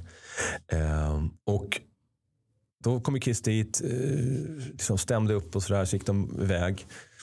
Och sen kom de tillbaka och så var de, såg de ut som värsta mifforna, tyckte alla. Vad fan är det som kommer ut här ur garderoben? eh, och sen började de lira och då var det en käftsmäll, alla. Det var en annan nivå. De var välrepade, tajta i jämförelse med de andra banden. Och De, de, de var hungriga på något de var sätt. hungriga Ja. och de hade bra låtar, eh, tyckte folk. Liksom. Så här. Sen blir de ju, som sagt, när producentparet kommer in och Sean Delaney kommer in så blir det ju ännu mer streamlinat. Eh, men folk, eh, det var ingen, ingen direkt som sa, har sagt att nej, Eh, någon som har slängt ut de kunde inte spela. Men det kunde vi egentligen ingen av de banden i så fall. Om man jämför hur de spelar. Eh, och det var någon som sa att han hade, oj, han hade sett eh, sin polare spela på Coventry. För de hade ju en liten scen också precis innanför ingången där man fick spela eh, om man är eh, ensam eller en duo med akustiska gitarrer kunde dra lite låtar. Eh, och på den scenen har hans kompis spelat.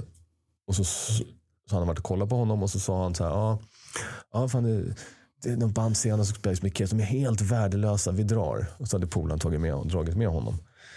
Det ångrade han ju. Jaha, okej. Han insåg senare vad det var. Liksom. Eh, för det, var, det var inte alls samma musikstil, så var det väl kanske därför också. Men det, det, det, är ju- det som, när jag hör dig berätta Mm. det här, och mycket av de här historierna har jag hört tidigare, men just den här, när du pratar om arbetsmoralen Mm. och du pratar om det här kämpandet. Och eh, jag men, jag tror att åtminstone Gene och Paul var hungriga, Mm. men tack vare Bill O'Coin så vart det liksom någon som verkligen var en jävla glöm. Kanaliserade eh, energin. Och även där Peter var nog också en jävel i början. där liksom. Eh, fan, det var hans sista chans, såg han ju som. Ja, han, han skulle ju fylla 30 snart. Så att, eh, Precis, till kört sen. Nej, men, men tittar man på de här äh, gre- grejerna därifrån så, så ser man ju på ett hungrigt band. De vill ju någonting. De har ju ett mål. Ja. Utom det- kanske giggen, de första giggen, de fotona. Det ser ju ut som Kreti och Pleti har klivit in från gatan. Och Jo, jo, det, det, det såg jag på dina bildtextkommentarer. Ja, bandet, bandet vi själva ville se på scen. Ja, Men, det- men, men där- där strev, ja. Man är på väg mot någonting, man kanske inte har hittat det ännu. Och de behövde nog hjälp av de här, um, vad heter Sean Delaney och de som kom in där. Och plocka fram det där så att de själva hade det nog inte, den tanken precis utmålad. Nej, det spred åt alla håll säkert deras tankar. Och De behövde någon som sa att det där duger inte, det där duger. Ehm, Det, det, det är väl ungefär som vi kan säga Judas Priest. Där, där har du ju samma flum. Det ser ju helt, och sen kommer helt plötsligt Robert Halfords sidointresse in i bandet. Och det är en helt annan image och vi sväljer det med hår och hull. Och älskar de gamla låtarna. Men när de har det här lite flower power, stora hattar och vad de har på scen och allt det, det, det, det, det blir konstigt. ja, Det var passar ju- inte ja, men Det är som musiken. tidiga kraftverk också som Ja. sitter där och spelar något flum. Ja, det, det, det, det, passar, inte, ja, det Mm. passar inte ihop riktigt. Det. Och så var det väl här också. Att jag tror att Cavendry, att de inte, vi kan dra lite Caventrys historia snart, men eh, lite år för år sedan, men att den inte överlever så länge är vi mycket för att det spretar åt alla håll. Plus att det man satsar på är ju den här glitterpunk, eller inte, förlåt, inte punk, utan glitterrockbanden. Och i och med att det inte blir någonting av dem eh, så har man inte riktigt örat mot marken och vet vad är nästa grej som är punken. Man har ju några av de banden som spelar mot Coventrys sista tid. Men han väljer att gå en annan väg. Och han väljer att gå den vägen. Det, det, första signalen kom ju redan sommaren faktiskt 74. Eh, sensommaren där. När han slänger ut en i annonsen så har han en rätt ilsk text. Eh, Paul Saab. Ja, ja, det är den som är med i tidningen. Ja. Ja, och jag, jag, jag hittade den så skickade jag den till eh, Charlie Saab, sonen då. Bara så här, oh, eh, jag tror att det här handlar om Kiss bland annat. Och han bara, oh, he was mad. Bara. Vad, vad sa Vad Jo, står det det? står i den så här att, ja, eh, kontentan är att eh, det är, de har precis haft ett ettårsjubileum. Jättekonstigt, man har det i maj någonting, det stämmer inte alls eh, kalendervis. Men man har ett ettårsjubileum där många band som har spelat i, på Cavendry tidigare spelar. Eh, även sådana band som kanske har gått vidare. Eh, bland annat har vi ju Elephant Memory som, som var på eh, John Lennons backupband live på den tiden och även på första solplattan. De kör en hel del på, på Coventry 73 och sen så kör de här någonting 74 också. Och de eh, och alla andra band ställer upp. Man har flera dagar. Det är typ 50 band som lirar på under en vecka. Det är gig, gig, gig. Men några band saknas, däribland Kiss. Och i den här, i den här annonsen skriver han att ja, det är tråkigt när vissa eh, band slår och inte eh, liksom kan eh, bjuda tillbaka till den platsen där de fick liksom starta. Kiss nämns inte, men, och, och så kommer ett litet hot. Så här, ja, om det inte blir bättring, jag vet inte riktigt hur han tänker här. Om det inte blir bättring så kommer jag göra om det här till disco. det är liksom kontentan. Så bara, "Jaha." Och sen så byggs det om.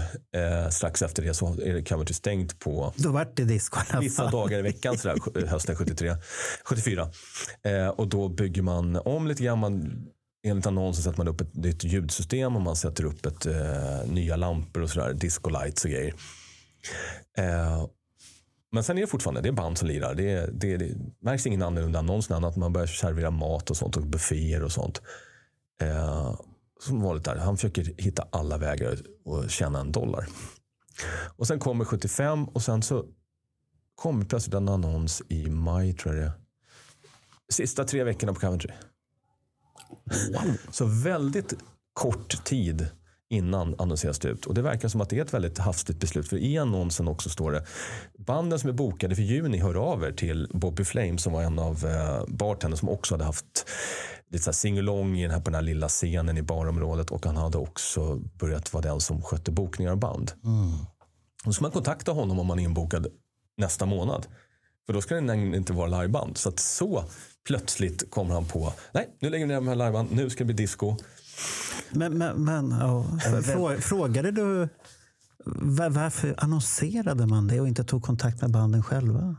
man, på den tiden man kanske inte hade, jag vet inte. Det var som någon, det är någon annons som Det, det låter ju som att skicka röksignaler Ja, ja. helt plötsligt. Ja, men det är någon annons som står så här. Då står det ett namn så här. Please contact Paul. Så här, för det är så här också att det var så man, jag vet inte. Det vart en röksignalsting. Jag förstår det. Förstår din Ja, det, det, det är ett jättekonstigt sätt att kommunicera Mm. på. Men jag, jag kan förstå delar av det här. För att det här är ju på den tiden som eh, om, eh, dels de som bodde hemma, de hade ju sina föräldrar som fick vara mottagare av alla besked. Eh, och sen har du nästa kategori, nämligen de som precis har flyttat hemifrån. Och eh, de var ju aldrig hemma, så det var ju telefonsvararen istället som gällde. Om man ens hade det. Ja, Och, och sen hade du ingen telefon på loft eller replokalen. Nej, nej, nej. Det, det, det det, är lite det jag är ute efter. Att det gick inte att få tag på folk. ja, men samtidigt så förväntar du att du ska titta på en annons i en tidning. Ja, Ja, går det, Det, så det är går lite långsökt. Jo, jo. Det, det, det är ju så dumt så. Jo. Hade han kunnat lika bra sätta upp en affisch på fönstret? Men sen ser vi då, att sen har vi eh, så här, två veckor kvar annons och sen så kommer och då, någon av de där annonserna så det också en liten annons bredvid som visar vad ska det bli sen. Då står det att det ska bli Disco Inferno. Som ska bli det hetaste diskot i stan. Eh, och sen så, kom, sen så kommer det så här, den helgen när man kör eh, sista liksom, avskedsfest. Eh, och då spelar bland annat eh, Heartbreakers med Johnny Thunders. Och eh, jag kommer inte ihåg vilka andra band som kör nu. Men det är ett par band. Och eh, så kör man fredag, lördag, sönd- ja, man kör de sista dagarna i maj där. Eh, det är de som är liksom avskedsfesten. Men sen har man även en konsert på den första juni. Som är söndag eller måndag. Där Heartbreaker spelar. Som inte ingår i den här eh, avskedsfesten. Men istället på den kvällen så har man, man lottar ut 25 Kissplattor. Jaha. Och det visar att de har, då har eh, Paul fått eh, 25 kissplattor. Eller han har fått en kartong med kissplattor. Jag vet inte hur många det är i en kartong på den tiden. Och han har fått en signerad affisch. Och det kan vara, jag tolkar det grann som att Kiss har sett den här annonsen. Eller någon i Kiss har sett den här annonsen när han spyr galla. Och liksom, ja, vi, vi måste smöra lite. Så de skickar den. Paul sätter upp den här affischen. Dagen efter den borta. Det är någon som har stulit den. Oh. Däremot så har han faktiskt kvar några plattor. Eh, och jag sa det till honom. Alltså, alltså, har du kvar dem där de fortfarande inplastade? Första plattan inplastade från 73. Eh, och du kan liksom skriva ett brev som intygar vem är du som har fått de här i vilket sammanhang.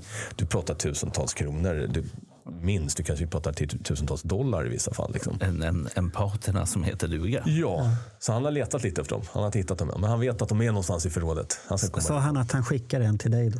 Nej, det har han inte sagt. Nej, vilken otur då. Nej, jag kan, jag kan hoppas på det. Ja. Eh, men i alla fall så lägger ner. eh, Så kommer en annons efter. Eh, veckan efter. Och då står det plötsligt eh, formerly known as Coventry och så står det några band som lirar. Så har inte ens liksom något namn. Och så här, det är bara ett ställe som förut kallades Coventry. Ska ha lite Men det skulle bli Disco Inferno. Ja. Men det verkar inte ha varit mer än max en månad. För sen kommer nya annonser med samma ställe. Där diskot ska heta Aratema och ska vara ett latindisco. Så du går på två månader, mindre än två månader så går det från att Coventry lägger ner, vi ska ha disco, till att nej, vi heter inte Disco Inferno, då. Nej, nu heter vi plötsligt ingenting, till Disco Aratema. Han, han, låter, är det Paul Sub fortfarande? Ja, det är på fortfarande. Han, han låter som en vän till mig det här. Mm. Som har tusen affärsidéer och det hoppas hit och dit. Och jag känner igen det där. Mm. Samma. Men det här blir faktiskt en liten succé, diskotekare tema. Eh, han annonserar väldigt lite för det. Eh, men det latinamerikanska eh, samhället, liksom, de går tydligen dit i mängd och han börjar liksom tjäna pengar för första gången på Coventry.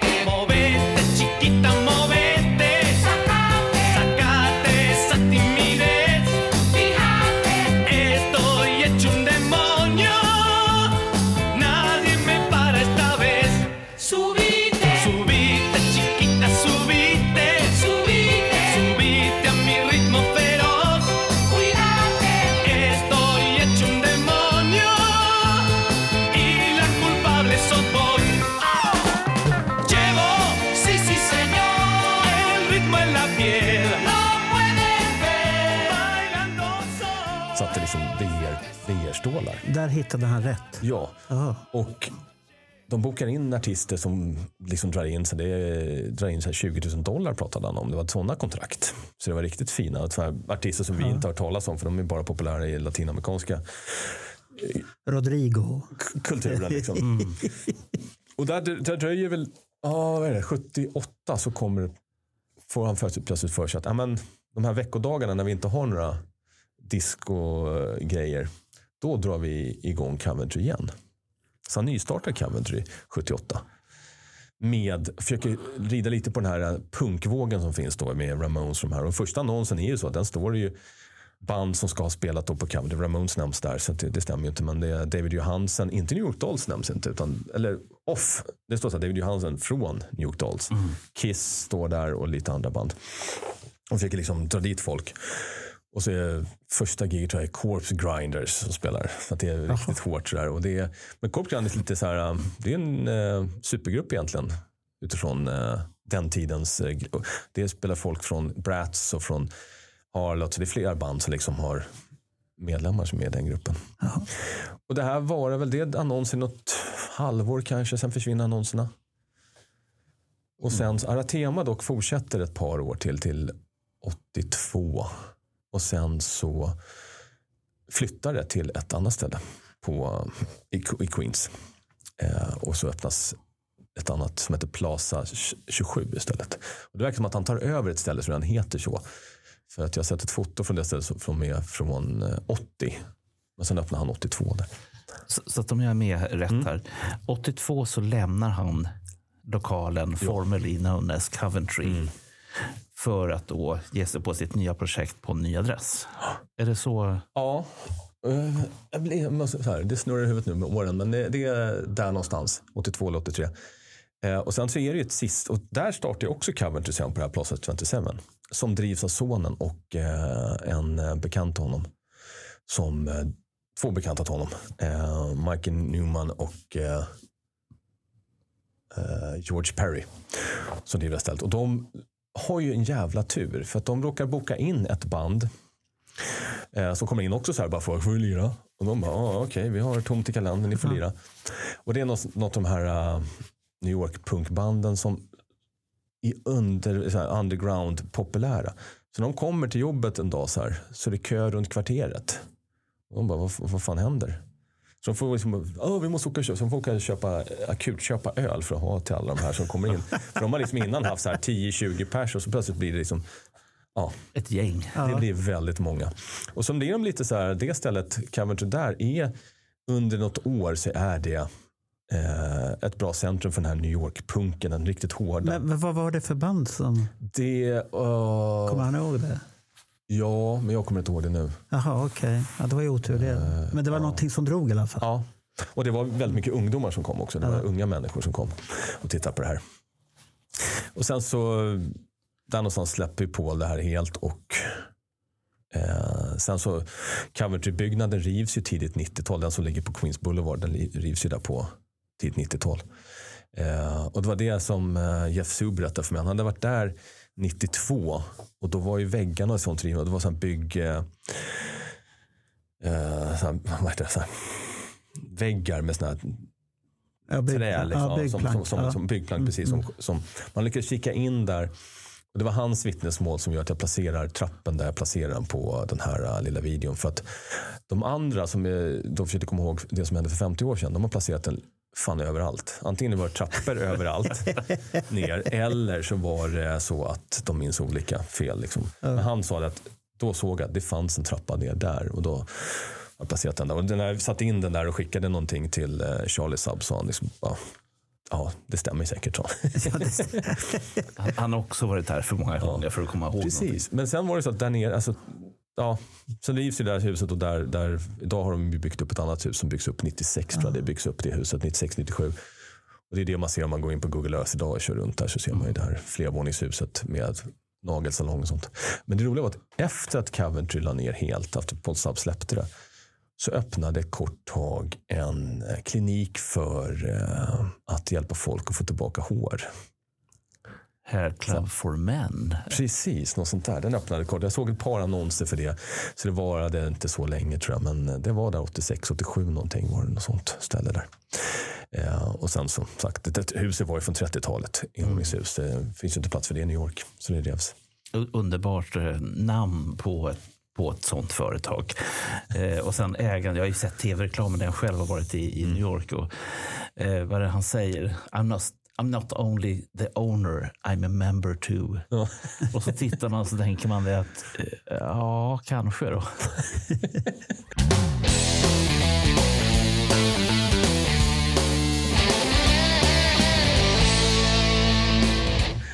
Ja, men den här eh, fotgången, trappan ner förresten, det gick ner till ett eh, omklädningsrum.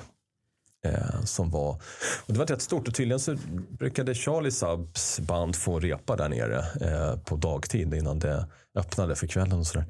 Och Ibland fick de med det uppe på scenen också, men eh, där nere. Och där nere, under ett tag, så bodde det en snubbe där nere. Louis.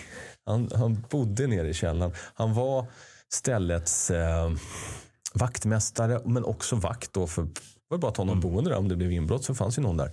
Och lite så här, eh, lagade saker om det behövdes. Och han var till ett riktigt original. Jätteduktig på gitarr sägs det. Men gick alltid shorts året runt och toppluva. Ja. Och han bråkade med banden som var där nere och festade ibland för att det var ju han, han tyckte att han bodde där. Så han hade en jätteskivsamling på så här 2000 plattor som han hade i hyllorna där nere och lite skivspelare och grejer. Och så kom det ner folk och skulle parta och byta om och ha sig. Så, Och pilla på hans skivor. Och fy fan vad arg han måste ha blivit då. så att han var till ett riktigt original. Jag, jag satt och funderade på Paul Sub. Hur gammal var han när han började med hela den här resan? Han är 92 nu, så att han var ju då 40. Han var ju lite äldre. Han, han var så pass i alla fall. Eh, och han är ju, han, både, både han och hans fru är ju flyktingar från eh, Nazityskland. De flyr ju. Eh, okej. De kände inte varandra då, men eh, han bodde i Österrike och hans framtida fru då, Mina, hon bodde i eh, Tyskland. Och eh, efter eh, eh, kristallnatten 38 så bestämmer sig bådas familjer för att fly. Eh, och de tar sig över till eh, Amerika. Så att han kommer till Amerika när han är åtta år, åtta, nio år. Eh, och eh, familjen slår sig ner i New York. Och, ja, och tydligen, de, är, de, de kan inte sitta still, eh, familjen Saab verkar som. I alla fall inte den manliga sidan. För Charlie är likadan, säger han. Han måste ha saker att göra hela tiden. Starta band. Okej. De håller på med en, eh, han driver den här Ethels. Eh, Alcohol and någonting, jag tror stället. Eh, som ligger på Manhattan. Eh, och det är ett ställe som ska likna 70-talets ställen. Eh, stämningsmässigt så här, men utan ruffigheten. Han vill liksom ha ett New York eh, tidskapsel. Och det finns bara en hörna med massa affischer och poster från eh, Coventry. Men ingenting i original utan allting är sånt de har hittat på nätet. För de har, farsan har ingenting kvar. Liksom. Eh, men eh, det stället eh, driver han. Han dri- har ett band som heter Charlie Sub and the Dogs. Eh, och plus att han har en, de håller på med musikal. Jaha. Som ska handla om hur en immigrantfamilj kommer till New York, startar ett eh, rockställe. Så det kommer alltså handla om The Coventry. Jag tänkte säga att det, det, där, det, där måste bara vara en tillfällighet. Va? Jag, att det, det första jag fick kontakt med som hade liksom ingång till familjen, det var en av musikerna i hans eh, band som också är hans arkivarie, eh, familjens arkivarie och också den som samlar material till den här eh, musikalen. Eh, så jag har fått lite material från honom, men eh, det känns mer som att jag har grejer att ge dit. Eh, eh, och jag kommer att ge dem allting jag har. Eh, för det, varför inte liksom? Ja. Eh, Men, men jag satt och tänkte, så- Sub, har de bytt efternamn? Eller ett- Nej. Är det original efternamnet? Sub? Ja, för att eh, jag hittade nämligen i papperna, immigrantpapperna. Och det, där fick jag ju eh, fantastisk respons från familjen. Liksom så där, för att, eh, jag skickade över, så här, jag lyckades hitta vilken båt de kom med, vilket datum de anlände till. Eh, de kom ju till Ellis Island, den här ön utanför bredvid eh, Frihetsgudinnan där. Dit många immigranter kom. så gott som alla från ett, ett visst datum. Ja, ja det, det fanns andra också in, införsporter under, under den tiden i alla fall. Men det är miljontals som har gått den vägen. Eh, så jag skickade informationen till familjen. Som, ah, den här båten, en bild på båten. Här, den här båten kom din pappa med. Och han var så hur fan fick du reda på det här? Så att, eh, känns som att jag har lite övertag på att hitta saker fast jag är en kontinent bort. Eh, så det var lite kul. Och där, på, det, på de papperna som, stå, som var där då, immigrantpapperna, eller skeppsloggen, så står det att de eh, kom, eh, att de hette Paul Saab och eh, hans mamma som var för mig att det var Anna Saab. Och födelsedatum och allting så här, och vart de skulle ta vägen de kom fram till Manhattan och så där, eller till New eh, USA. För, för det, det är lite ovanligt efternamn för att komma därifrån tycker jag. Så. Ja, vet inte, ja, precis. Det, det låter som skulle vara taget och påhittat i USA. Men det står redan på. Ja, ja, okej. Det var tyskt. Häftigt. Det var en tysk båt som körde över dem. Ehm, Ja, det var ju många som flydde från ja. det tragiska och som skulle komma sen. Ja, ännu precis. Medan hans mamma då, eh, eller frun då, Mina Sab, hon eh, kom en annan väg. Eh, För hon fanns inte med i den. Och de andra inkörsportarna som fanns, där var det inte offentliga handlingar. Då var man tvungen att vara på plats eh, för att gräva arkiven. Medan den som är i New York, där är det digitalt. Så det var inga problem att hitta.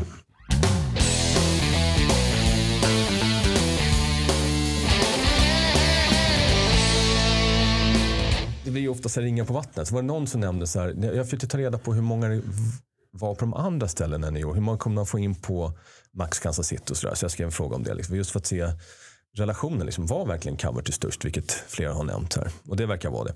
Men då fick jag tips om en kille som heter Tony Mann som har massa, han har fingret med i mycket som har med den här tiden att göra när det gäller dokumentation. Böcker som handlar om den här tiden. Eh, han har inte skrivit själv men han har eh, varit liksom hjälpreda, samlat material och så.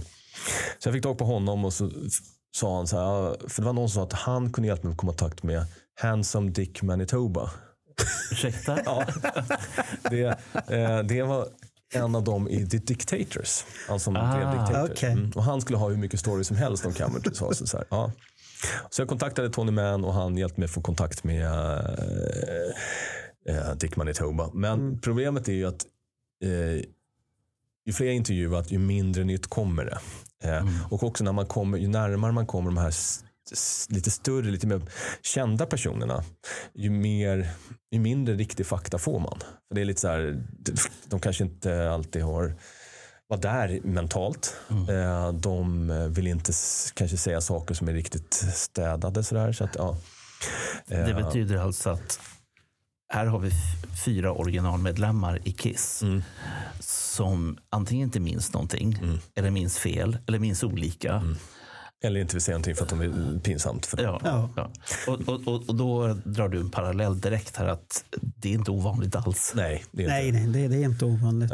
Men då var det så här, det var en sak jag ville ta reda på. Det var vem fan är det som presenterar Kiss på videon där från december 73? Från Coventry. You're right on top of them. Put your two lips together, ladies and gentlemen. Kiss! Kiss! Det är en kille där. För, för jag fick höra från Jeff Sue att det är ingen i Kiss-crewet. Uh, han vet vilka som jobbar för Kiss då, det är inte han. Uh, Charlie och Paul Sub säger att det var ingen som jobbade för oss. Vi känner inte igen killen. Uh, Ross Radley säger samma sak. Jag har ingen aning. Jag har försökt ta reda på vem det är. Jag vet inte vem det är. Så frågar Tony Mann, skickar bilderna till honom. Bara, Vem är det här? Han bara, jag har ingen aning. För han såg också Kiss på Coventry. Han sa också, jag älskar Kiss fram till första plattan. så att, Jag älskar, okej. man såg dem några gånger där. Liksom. Eh, men så, först strax efter får jag ett nytt meddelande från honom. "Ah, Lydia Chris vet inte heller vem det. Jag bara, va? Vad fan? För han sa så här, jag är på väg att träffa Dick Manitoba och då ska jag sätta dig i kontakt med honom. Så bara, ja ah, men Lydia Chris vet inte heller. Vad fan, träffar du henne nu också? Liksom. Han Ja. Bara, ja, strax efter kom det Två timmar senare kom det ett nytt här. Ja, Bob- Bobby McAdams, han tror att det är eh, Keith West i The Brat. Bob McAdams är ju på, eh, Ace gamla kompis från den tiden. Bara, men fan, träffar du verkligen hela kreti och pleti av liksom Kiss-historien samma? Vad håller du på med? Han bara, ja, han tror att det. Så kontaktade jag Keith West och bara sa, ah, jag håller med om att det påminner om mig, men det är inte jag. Så det är inte han. Så att det är fortfarande ett mysterium vem det är som presenterar Vem Kiss. presenterar dem? Vem tror jag det För det är ändå en kille som snackar och han verkar ändå vara insatt i saker och ting. Men, men vilka var det som fi- Det var de själv, Kiss Ja, själva var som Kiss- film, Kiss filmade som det? filmade, precis. För det, den är ju roligt när det är vinklad åt det hållet och det ser så trångt ut när man Mm. tittar där. Men det var ju så, det var ju stora, folk satt ju på konserterna i, på Coventry. Nej, inte alla. Vi- Vissa är ju lite vilda där framme. Ja, ja, de dansar. Men det, var ju rätt, upp- det fanns ett dansgolv runt. Som, Ja. som var, stolarna var ju i mitten. Och ett tag så var det till och med så att det var ett räcke. Jag tror att det byggs någon gång 74 för att man skulle kunna dansa disco runt och sen sitter man i mitten. Och det var där man, liksom, man satt ju drack öl och käkade mat där i mitten. Eh, men det var ju de sämsta borden så var det någon som att det var så riktigt rangligt och billigaste epa. Så här, för det var någonting, eh, Paul Subs, det sa sonen också, han satsade inga pengar på stället. Nej, nej. Utan det var, det första de gjorde var att de målade allting mörkt, eh, nästan svart allting och eh, dålig belysning. En fråga här. Sa nå Paul Sab någonting om, om Kiss drog mycket folk sen när de började bli ett namn? I de kretsarna kom det mycket folk? För det, det ser inte ut, det ser inte ut så på videon. Nej. Det enda bandet som drog mycket folk, det var ju New Dolls. Det var de Det var de, de drog liksom 5, 6, 700. som var i slutet av sin karriär. Nej, de hade inte så långt. Alltså, Nej, nej, det var Kiss slutet av sin liksom, karriär. Det kanske 100-150, 200 Ja, det, ja, det är konstigt för det. För de, de får ju loggan där med på, annonser, på annonserna. Ja, Där. Från och med. Och där, där är det intressant också att det, det händer ju någonting i augusti. Eh, för giggen när de presenteras på, jag kommer inte ihåg ordningen här, men någon av de där eh, juli eller augusti-giggen där det står som eh, att de är glitter. De är ett av New Yorks hårdaste glitterband eller någonting så sådär. Men månad senare så är de heavy metal masters av New York. Och där, de, har, de passade inte in i det här. De var ju ett annat, en annan typ av musik, eh, en annan typ av utstrålning. Liksom. De funkar inte med glitterbanden. Och det, eh, det gör ju att de börjar se- distansera sig där. Och då har de också fått Bill Coyne som säger men ni är inte sånt band, ni måste vara något annat. Liksom. Och säkert Sean Delaney också. Ni är någonting annat. Uh, han, såg, han, såg lädret. Mm. Sen tror jag att anledningen till att man kör de här sista giggen på Coventry, det var att eh, det var ett bra ställe att få öva. Och då är det ju också en större scen. Det är en scen framför den vanliga scenen. Eh, och den finns ju inte på några andra bilder än de med Kiss från december. Så frågan är om det är en temporär scen som Kiss slänger upp där för att få ett utrymme att röra sig. För annars så slutar scenen en halv meter, en meter Ah, ja, framför okej. trumsetet och då, det kan ju knappt gå där. Nej, då det ser man på de här första bilderna. Det är inte mycket, man kan, man kan gå förbi, man kan inte hoppa runt och springa. Det är, då trillar du ner en halv, 40-50 centimeter eller vad det är. Eh, Så att jag tror att den scenen kan ha byggts upp bara för Kiss för att få möjlighet att eh, röra runt sig lite grann. Jag, jag satt och tänkte på en sak här med loggan där med, Mm. på annonsen. När, vet vi någonting om när Kiss hade sin logga klar? Den finns ju jättetidigt där, den här Ace-knappen Med diamanten? med diamanten ovanför. Ja. Precis. Som är ful som fan. Och de första annonserna. Men när, när, när är det? Ja, det är svårt att säga datum på den. Däremot finns ju annonserna för eh, Non Daisy där, eh, sommaren där. Då finns ju loggan där. Så jag bara satt och undrade om de kanske inte hade logga till första giget. Nej. Att, att, Nej, Jag menar att den inte, de, de kan, Kiss själva kanske inte hade loggan klar. Nej. Och så kom loggan i samband att de fick flera gig och då kom loggan med. Ja, men det är, det är väldigt få band som har sin eh, riktiga logga i annonserna för Coventry. Det är nästan ingen. Det här är ju också en tid då man eh, liksom klichéer överhuvudtaget. Och med klichéer så pratar jag inte om det som man pratar om nu utan det ser ut som en metallgrunka helt enkelt som får vara med i annonserna. Och det kostar ju oftast snusk och 50 att kunna göra den här eh, klichén som då får vara med i alla annonser. Och i och med att den kostar så jävla mycket så är man ju mån om att få tillbaka den efter att man har eh, ja, tryckt tidningarna så att säga. Så att, Jag tror att de handritades flera av de där annonserna. Eh, för det är, loggan byts ut. Jag tror att det är 15 olika loggor som används till Coventry. Jag försökte ta reda på vem det är som gjorde de här, men Paul Sub minns inte om det. Han trodde inte att det var han själv. Eh, eller han sa att det inte var han själv, men det, han minns inte vem. Så det kan ha varit olika också. För de, de ser lite kladdiga ut när det ser lite loggorna. kladdiga ut. Och så, även popcorn, den ser ju ut som nästan ett barn har ritat den. Ja, jo, men det, men det, det ser trevligt Ja. ut ändå. Men den, den första annonsen med en riktig logga är ett band som heter High Voltage som spelar på, på Popcorn. Annars är det liksom bara text i olika typsnitt som används. Och sen kommer Kiss då. Sen Harlot har någon gång en riktig annons. New Dolls har inte någon speciell. Det, de kanske inte ens har någon speciell logga. Jo, det har de. Men den är inte med där. Eh, Ja, det är konstigt får- om ja. de ändå var så stora som de var då. Ja. Det Samt, samtidigt, så stora som de var. Men de spelade ju liksom, ställen de spelade på. Det var inga, De var internationellt stora i New York. ja, det var inga ställen som, som drog tusentals Nej, personer. nej, nej, nej. Det, dog, det handlade om hundratal. Alltså, Coventry då, 5, 6, 700 kanske. Det är inget liksom Palladium 3000 pers eller vad det är. Nej, nej, nej. Palladium. Eller Academy of Music då. Det är, det är mindre ställen. Ja, nu kanske de spelat, där kan de ha spelat, eh, jag har inte koll helt på eh, Dolls. Men, men det blommade där i alla fall. Det där blom, det började och sen vart det ju historia som vi Precis, och sen vet. inspirerar de varandra hit och dit. Det, finns ju, det finns ju ett påstående från eh, The Fast som var ett av banden som mest experimenterade med smink också. Eh, att Paul skulle ha fått sin idé med stjärnan. Jag tog upp det här i, artikeln också. Att Paul eh, ska ha fått idé med stjärnan för en i eh, The Fast. Det var två bröder först och två andra medlemmar. Och sen så var det en, en yngsta brorsan var fotograf bara. Sen gick han med i bandet och sjöng senare. Det finns en jättebra bok som heter av Paul Zone som handlar om den här tiden med massa foton. Han har tagit en av fotona bland annat från Coventry. Jo, för en, i, en av Zone-bröderna har ett eh, spader eh, symbol, eller ett hjärta över ena ögat. Och de är sminkade hela bunten och de har rätt färgglada kläder. Eh, och enligt Paul Zone så, ja, Paul var där och han, nästa gång vi såg Paul så hade han stjärnan. Ja, fast det finns foton på Paul med stjärnan som är en månad tidigare.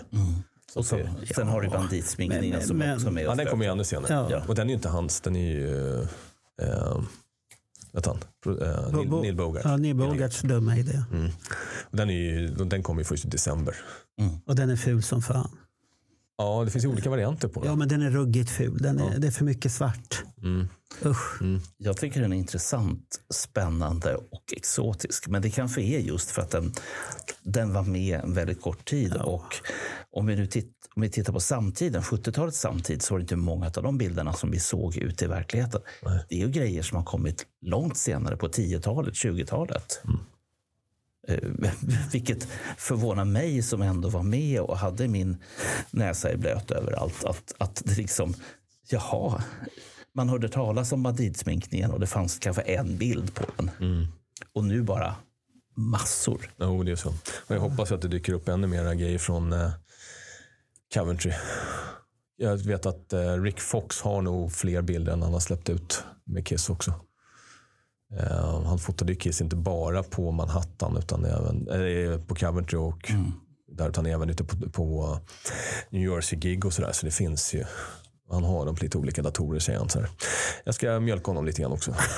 Så det, kom, det kommer fler Jag stories. jag här. hoppas det. Jag Men eh, är, är vi på väg på avslutet här nu? Ja, precis. Men, vad- men vad tycker du? Tycker du inte att alla ska bli medlemmar nu och köpa eller bli medlem i Kiss Army Sweden så de får hem den här fina Men det är väl klart att de ska. Ja. För att, jag tror inte att folk fattar att vi har så mycket unikt material. Att vi, Nej, det tror jag den, inte. den här artikeln är ju en, eh, i Kiss-världen en eh, sensation tycker jag själv som har skrivit den. Då, men det är så mycket information i den om den här perioden och om stället och om Kiss som inte tidigare har avslöjats eller känts till. Så vill man veta saker så borde man vara med Jo, det tycker jag. i världens bästa fanclub-tidning. Fanclub och tidning. Japp. Eller så får, får, får vi på något sätt stuva om vad det är frågan om. För att det är ju lätt för folk att prenumerera på Sweden Rock och allt vad det nu heter. Men tänk så här. Man prenumererar på tidningen. Precis. Och, och på köpet så får man ett medlemskap. Man får en slags tacksamhet Ja. över att man har gjort någonting extra mer än bara köpt tidningen. Precis. Och vill man vara med och göra saker för tidningen får man också vara det. Det är bara att kontakta oss. Eh, Vi söker alltid skribenter, men skriv ingenting och skicka in bara någonting. Utan hör, av- nej, precis, han, hör av er eh, och hör om intresse finns och gärna skicka in någon liten artikelprov. Vi har lite, vi har lite höga krav. Vi vill att Ja, det ska men vara det, bra. det, det spelar väl ingen roll om man har höga krav eller inte. Det är bra tycker jag. Ja, det ska vara. Det ska vara. Så du menar Ronny att om jag skulle skicka in en artikel om eh, 1976 och vad jag var med om då så bara nej, skicka inget. Ja, men jag vet ju jobbet som ligger bakom att rätt korrigera dina texter. Ja, ja, ja. Nej, det, det är eh, innehållet som är viktigast. Eh, Sen har vi folk som korrar och eh, skriver om texterna så att, eh, och får dem godkända av er såklart innan de publiceras. Så man, så man kan säga som så här, och vi ska koka ner det hela. Du behöver inte vara en fantastisk skribent, Nej. men om du har bra idéer eller saker som inte har tagits upp ur kanske ett annat perspektiv än tidigare, så hör av er, berätta om idén och så kanske det händer någonting. Och, och då hänger det inte på att du Nej. som skribent är den fantastiska, utan Nej, precis. we make you look good. precis. Eller att man bara man vill göra någonting man känner att jag, jag, jag kan bidra. Så kanske man får åtta sidor i en tidning Om Coventry. om en stor artikel utan någonting som alla tycker är häftigt. Och det, behöver inte vara någon, det kan vara en halv sida, det kan Ja. vara tre sidor. Det spelar ingen roll. Och det, det kan vara pusselbitar som vi sätter ihop också. Ja. Till exempel den artikeln som är om Sao Paulo-gigget som kommer i det här numret. Ehm, den är skickad på portugisiska på ibland mail, ibland eh, Facebook Messenger, ibland WhatsApp. Och så har jag försökt att plocka ihop det här och översätta det på olika sätt och skriva ihop det till en text. Och det, jag tycker att det blev en rätt bra artikel. Jo, det vart bra. Det tycker jag. Du får inga artiklar på fax längre va? Jag har ingen fax, jag vet inte. Det kanske är någon som försöker. Du får kolla, du får kolla på nätet om det finns precis. digitala faxar. Ja. Men vi, vi tackar Ronny nu. Ja, tack jag. själv. Tack själv. Så, så är du välkommen tillbaka när du har skrivit någonting stort eller vad du letar efter för nu för sensationellt. Ja, nytt sensationellt. Så tar vi upp den igen och pushar för ditt Ja, så är det Daisy på G nu? Jaha, nu, nu, nu, nu tackar vi för honom för det och så hoppas vi på Daisy då. För nu måste han ut och researcha. Det Ja. kan han inte göra här och prata med oss. Ja, hela världen väntar på Ronny.